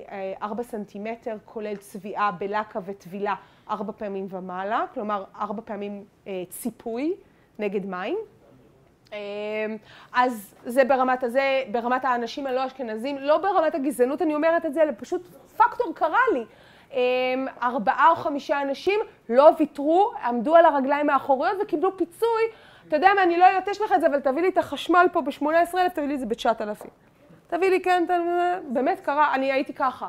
אני הייתי ב... ב, ב רק שתדעו, בין low cost ל high cost. אז זאת אומרת שאם אנחנו מסתכלים בכלל על רמת high-end, אנחנו מבינים שהקבלן מקבל, גם בהיי-אנד תמיד יש את התוכניות הבסיסיות. אני מוציאה במשרד שלי 20 תוכניות התחלה. זה בסיס. כל דבר שהוא מעבר ל-20 תוכניות, מתומחר בפרטים שעובדים עליהם שכר טרחה של אדריכל אה, עם אה, בעל מקצוע שידוע ועובד כמו שצריך זה 250, 200 ומעלה, 200 פלוס מע"מ ומעלה לשעה. אה, אני מתמחרת שעת אדריכל ל-350 בחוזה שלי, 350 פלוס מע"מ, רק לסבר את האוזן, מה עולה תוכנית, מה עולה זה, מה שכר טרחה, בלי... נטו, נטו, נטו שרטוט ושרטוטי פרטים.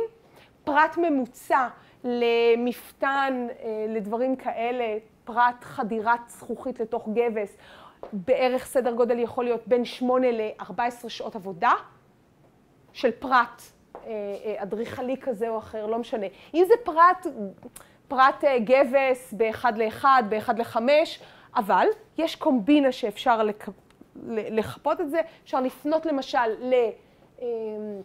למחלקת, בוא נגיד, איטונג, או מי שזה יהיה מבחינת הפרטים, ולבקש ולדרוש בתור אדריכל שנמצא בנקודת צמרת גבוהה יותר, הוא יכול לדרוש מהחברה של איטונג או החברה של כל חברה אחרת או כליל, כליל מספקת באינטרנט את כל המפרט הטכני של החלונות שלה, כי היא מאמינה בשפע, היא מאמינה שהיא צריכה לספק לכולם, ואז אדריכל יכול לחסוך קצת. אף על פי שברמת העיקרון, או אף מים, או נזילת, או בוא נגיד פתח אור, או, או חדירת בטון מזוין לתוך ההשתלבות עם פלרז, למשל פלרז, חברת פלרז שאחראית על ממ"דים, מספקת בממוצע פרטים חדשים כל, כל שני וחמישי נמצאים אצלם באתר בזמינות ב-PDF, ב-DWG, אתה יכול להוריד את כל המפרט הטכני ולהבין ישר מה, מה הנהלים, מה הגה צריך, וגם המפרטים האדריכליים שמספקים חתך, תוכנית, תלת מימד, הכל יש להם צוות מוגדר בתוך המערכת לכל בן אדם שמכבד את עצמו עם פרטים אדריכליים מיוחדים. למשל, פיפקו יש לו איזה ארבעה פרטים מיוחדים שנמצאים על, על השם שלו כפטנט. פרנק גרי נמצא על סדר גודל של למעלה מ-70 פטנטים שאני יודעת שמוגדרים אצלו כפרטים אדריכליים. זר חדיד שמוגדרת כ... בסף COIL, אתם יכולים לגדור, לחפש ולראות אם זה אדריכל רשום ורשוי, מספקת שם פרטי אדריכלות וכולי, וזה מה שמייקר את הפרויקט. אדריכל מאוד מנוסה, שהוא מה שנקרא אדריכל מבוקש, לוקח פי שלוש ופי ארבע.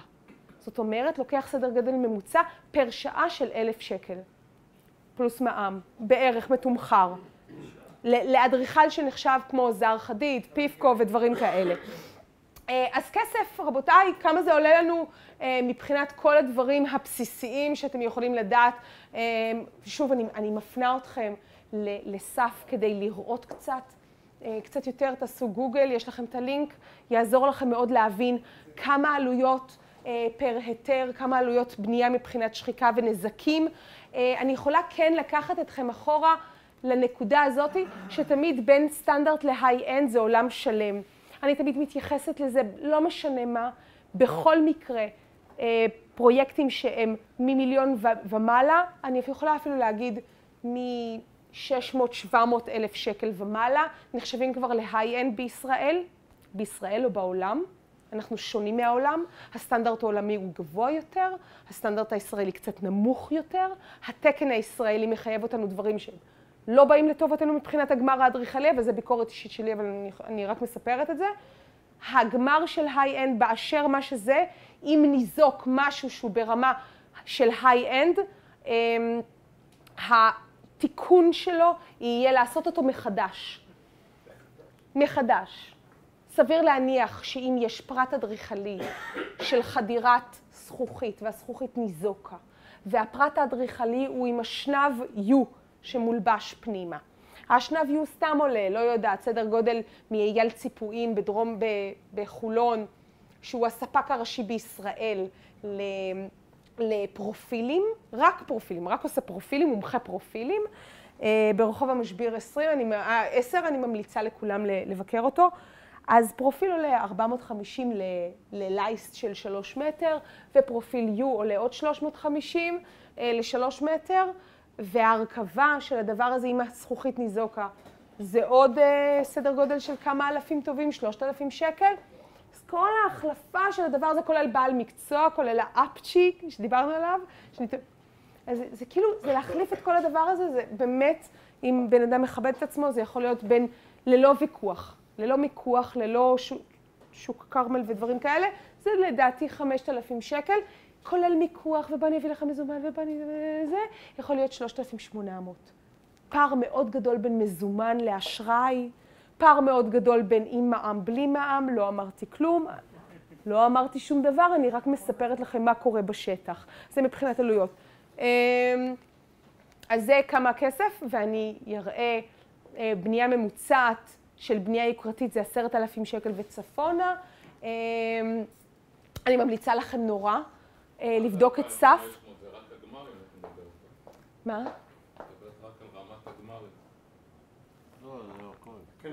לא, הכל. אני מתייחסת. יש לך שאלה ספציפית כמה עולה קבלן יומית, או כמה... לא, כתוב שם, בנייה מינימלית, מה זה? בנייה מינימלית זה כאילו, לא, בנייה מינימלית זה בוא נגיד לקחתי את נקודת מעטפת של המקום הזה, ולא, אה, כבר יש שלט. כבר יש שלד, יש שלדה, יש שלדה של משהו. אם לשלדה אז תוסיף לזה בין 30 ל-40 אחוז. כאילו תוסיף את ה- את האחוזים של השלדה, איזה שלד, איזה זה, מתחיל מסטנדרט. לכן אני ממליצה מאוד ללכת ל- לסף ולהבין, יש הבדל בעלויות, ואמרתי את זה גם ב- ב- במחזור הקודם, יש הבדל מאוד מסיבי בין תל אביב, שמתחיל מ-40 אלף שקל ומעלה למטר מרובע, לבין אזור הרצליה שיורד ל-30, יש לה 25, ואזור באר שבע שאפשר לעשות בחאווה נורא נורא נחמד, 10,000 שקל.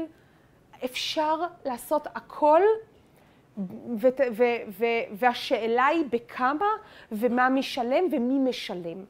זאת אומרת שאם בסופו של דבר אתם בתקציב של סתם, לדוגמה, 200 אלף שקל, אתם יודעים שאתם יכולים לעמוד ב-2,500 למטר מרובע בכיף, ברגוע, קוסמטי, לא לשבור קירות, לא פינוי, לא דברים כאלה, כי זה לא אה, יהיה לטובתכם מבחינת התמחור עצמו.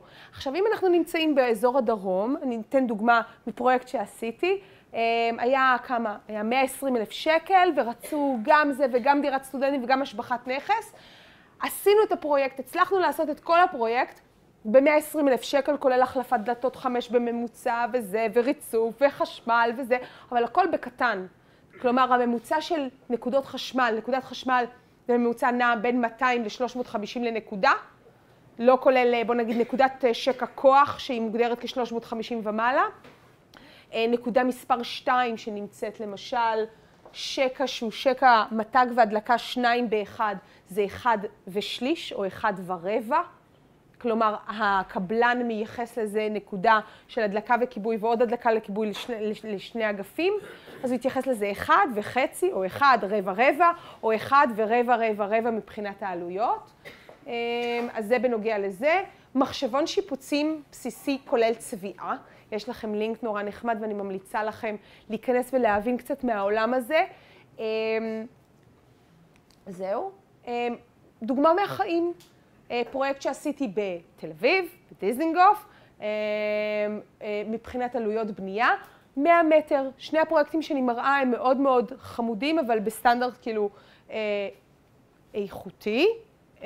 ואני מראה את, ואני אראה לכם שני case studies, ושתוכלו להבין מה זה עושה ומה זה עושה. מבחינת הנגרות כאן היא נגרות, מה שנקראת high-end. high-end, אבל פרטים בסיסיים. לא פרטים ארכיטקטוניים, לא פרטים אדריכליים, נחשב ידיות אינטגרליות, מערכות די פשוטות, מערכות פנימיות של Blum, כל מגירה בממוצע 600 שקל, לא, לא, לא דרמה יתר על המידה, אבל נחשב ל high-end. הפרויקט הזה הוא 650 אלף שקל, והוא בוצע תוך, אני גאה, יש לי גם סרטון עדות מהמם, שאתם יכולים לראות גם את הלקוחות, אה, הוא פורק מה, מהיסוד, קומפלט, 45 יום, היה אה, דירה מוכנה.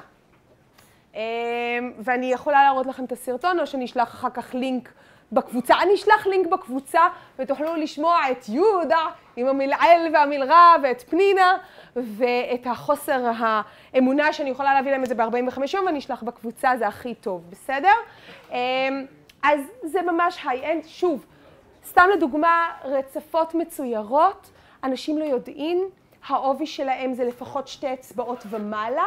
זאת אומרת שתמיד צריך להתחשב שאם אנחנו עושים משהו מיוחד, או שהוא מאוד מדוקק, או שהוא מאוד מכוער. או שהוא מאוד מכוער, או שהוא סתם. או שזה ספציפית האופי של הלקוח, הלקוח רצה. אין בעיה, זה בסדר שאתה חושב שזה מכוער. אמ, זה או שזה מאוד מאוד, אה, מה שנקרא, אמ, אה, מאוד עבה או מאוד דק. אני אסבר לכם את האוזן. מרצפות כאלה עולות 40, אה, 140 שקל ליחידה. מה? זה רצפה. זה לא קרמיקה, זה בטון מצויר. זה נווה צדק? נ- כן. אה, אוקיי. זה הבטון כלל זה. זה גם ברצפה וגם, זה אלים. כן, אבל האמבטיה, היה לנו 100 מטר מרובע, ואז בדירה רצינו ליצור מפתח של מאזן בין משהו שהוא זול, בין קרמיקה יחסית זולה, אז סגרנו את הנקודות האלה בלי שיהיה פרופיל U עם גרונג 45, צריך אומן ברצוף כדי לעשות גרונג 45, מישהו, מישהו לא יודע מה זה גרונג? אוקיי? אין לך שמץ? גרונג זה חיתוך של בלטה. בלטה מגיעה, בלטה מגיעה ככה. בדרך כלל, אם אתה רוצה ליצור מחבר מושלם כמו פינה כזאתי, אתה צריך לחבר את זה על ידי פאזה שתתנשק אחד עם השני, אז אתה צריך לכתוך 45, 45 או 30 ו-30 כדי שזה יתנשק בצורה מושלמת. צריך אומן כדי לעשות את זה, והישראלים מצאו את הפרופילים כדי לעשות חאווה משני כל הצדדים כדי שזה יראה מושלם. אמ, אז זה 140 שקל ליחידה, הם מצאו את זה, ב... הם הלכו וחיפשו בכל הארץ, אמ, והם מצאו ב-90 שקל. הממוצע על זה זה 200 שקל, ועל זה צריך לשים סילר שעולה 300 שקל, רק החומר, אוקיי? לא כולל העבודה שעולה בערך 1,400 ליום עבודה, וצריך אה, מנוע אה, ליטוש מאוד מאוד גדול ששוקל טונה וחצי, וצריך לדאוג שהוא לא יהרוס את הבית וכולי וכולי. אה, וצר לי שאתה חושב שזה מכוער, אני חושבת שזה בסדר. עכשיו שאמרת כמה זה עולה, לא, זה רטרו, אה, על עיצוב לא מדברים. רטרו ברור, בסדר. רטרו. אמ, סתם לסבר לכם את האוזן, המנורה הזאתי שאתם רואים שהיא עולה ויורדת מהמשקל, הגיעה מאיטליה, המחיר שלה הוא 6,500. אה, לי באופן אישי בבית יש שלוש יחידות דומות כאלה בבית עם משקולות, אה, רק יותר יפות מאלה. אה, וזה one of a kind. one of a kind זה אומר לא ניתן להשיג את הזכוכית הזאת, הזכוכית ביבוא. אם אתם רוצים את הבחור המאוד זעמני ולא נחמד שבשם אייל מכתר תאורה שמייבא את זה, אני אשמח להביא לכם את הטלפון שלו. הוא חמור לא קטן, אבל בחור אה, מאוד מוכשר. הוא עושה תאורה אה, שנעה על מערכות של משקולות. וזה גם בקרמיקה וגם מאיטליה וגם מיבוא מאיטליה ומספרד, וזה בעבודה 6,500. כל התאורה של הבית הייתה מאוד מקומצנת, אבל חבל על הזמן. אה, עוד משהו מאוד מאוד יקר שהתבצע בפרויקט הזה, זה כל המערכות של הנגרות אה, היו חבויות בתוך הגוון של הקיר, עם ידיות אינטגרליות שכמעט לא רואים את זה. כל הבית, נכון שזה עוד 120 שקל, סתם לסבר את האוזן, התקתיק הזה שיוצא הידראולי החיצה, ללחיצה זה 120 שקל, תכפילו את זה בבית ונגרות של כל הבית, זה יוצא עוד איזה 1,500 שקל, סתם, סתם לסבר במספר הדלתות. אה, ידית אינטגרלית של מגירה עם משקל, אה, אינטגרלי עם עץ, אה, עם עץ בציפוי, לא עץ מלא, סנדוויץ' מצופה. אבל עדיין כל הפרויקט של הנגרות הזאת עלה המון כסף, עלה איזה סדר גודל של 100 אלף שקל לכל הבית. יש פה גם אה, נגרות של ארונות, והכל מותאם, ולה לה לה ודברים כאלה. אז זה חשוב לדעת. וכל, וכאן יש החבאה של כל המערכות החשמליות, למשל מכונת כביסה, מייבש כביסה, כל המערכות מאוד חבויות, ויש עוד כמה קפריזות שאני לא אגלה אה, של הלקוח. זה אה, ספציפית לפרויקט הזה. אמ, אז עלויות ככה זה, הפרויקט היה בין 8 ל-10 מבחינתי, הריסה הייתה סטנדרט, שוב, כאן ספציפית אני חייבת להגיד, התשלום היה ורוד, מותר להגיד? התשלום היה ורוד, לא אני, אה, ורוד וסגול, אה, ולכן זה היה יותר זול. אם זה אם זה אה, לפי חשבונית ירוקה, לפי מוסמך וזה, זה קופץ ל-1,200, 1,300, 1,400 אה, פינויים, וזה גם היה בקומה ראשונה וחצי, אז גם היה אה, את המכולה, שפר מכולה זה 1,000 שקל, אבל הפינוי שלה זה עוד 600 שקל למשאית, לפי מה ש... אה, אני לא אגיד את שמו, אבל אה, כקבלן מהמם, אה, אה, לא ישראלי. רגע, הריסה הייתה 100,000 שקל? הנגר, מה? מה? לא. ההריסה, לא, סליחה, זה אל... סליחה, זה 100, סליחה, סליחה, 100, סליחה, לא לתפוס אותי, אני אתקן את זה. היה, כל ההריסה קומפלט של כל הבית הייתה עשרת אלפים שקל. עשרת אלפים שקל למאה מטר. בסדר? עשרת אלפים שקל, מישהו יעשה לי את החישוב מהר. מה? אז סבבה. אלף, אז סבבה. אמ, אז זה אלף שקל, אני צדקתי? לא. מאה, מאה. אז יש לי אפס נוסף. אה, נגר אלומיניום היה 970, אבל 970 בוורוד, אוקיי? אמ, אם זה היה כדת וכדין מכליל, אז זה היה אה, סדר גודל של 1,450, 1,250, 97, 97 אלף שקל, כל האלומיניום של כל הבית. 100 אלף שקל. כל האלומיניום של כל הבית. אבל לא, לא יוצא לך, הכל בוורוד וזה. אה, ריהוט, ריהוט שוב זה משתנה? ברור, ברור. אני נותנת רגע... זה תמיד, חיים, זה תמיד חלק נקודתי שכולם מתלהמים, כאילו, בטירוף. תאורה, אה, תאורה יכולה להיות או אלף שקל למטר מרובע, או יכולה להיות אלף שקל לאובייקט, המינימום. היא יכולה להיות כאן, סליחה, תעשו slash, או אלף שקל למטר מרובע, או אלף שקל לאובייקט. אני נתתי את האובייקט הקודם, שזה זה, שזה האובייקט הזה, שזה 6,700 לאובייקט אחד בסלון. סך הכל הנקודות בבית הם אה, שמונה נקודות אה, יקרות, וכל אחד מוערך בין 6,000-8,000 שקל לאובייקט. בסדר?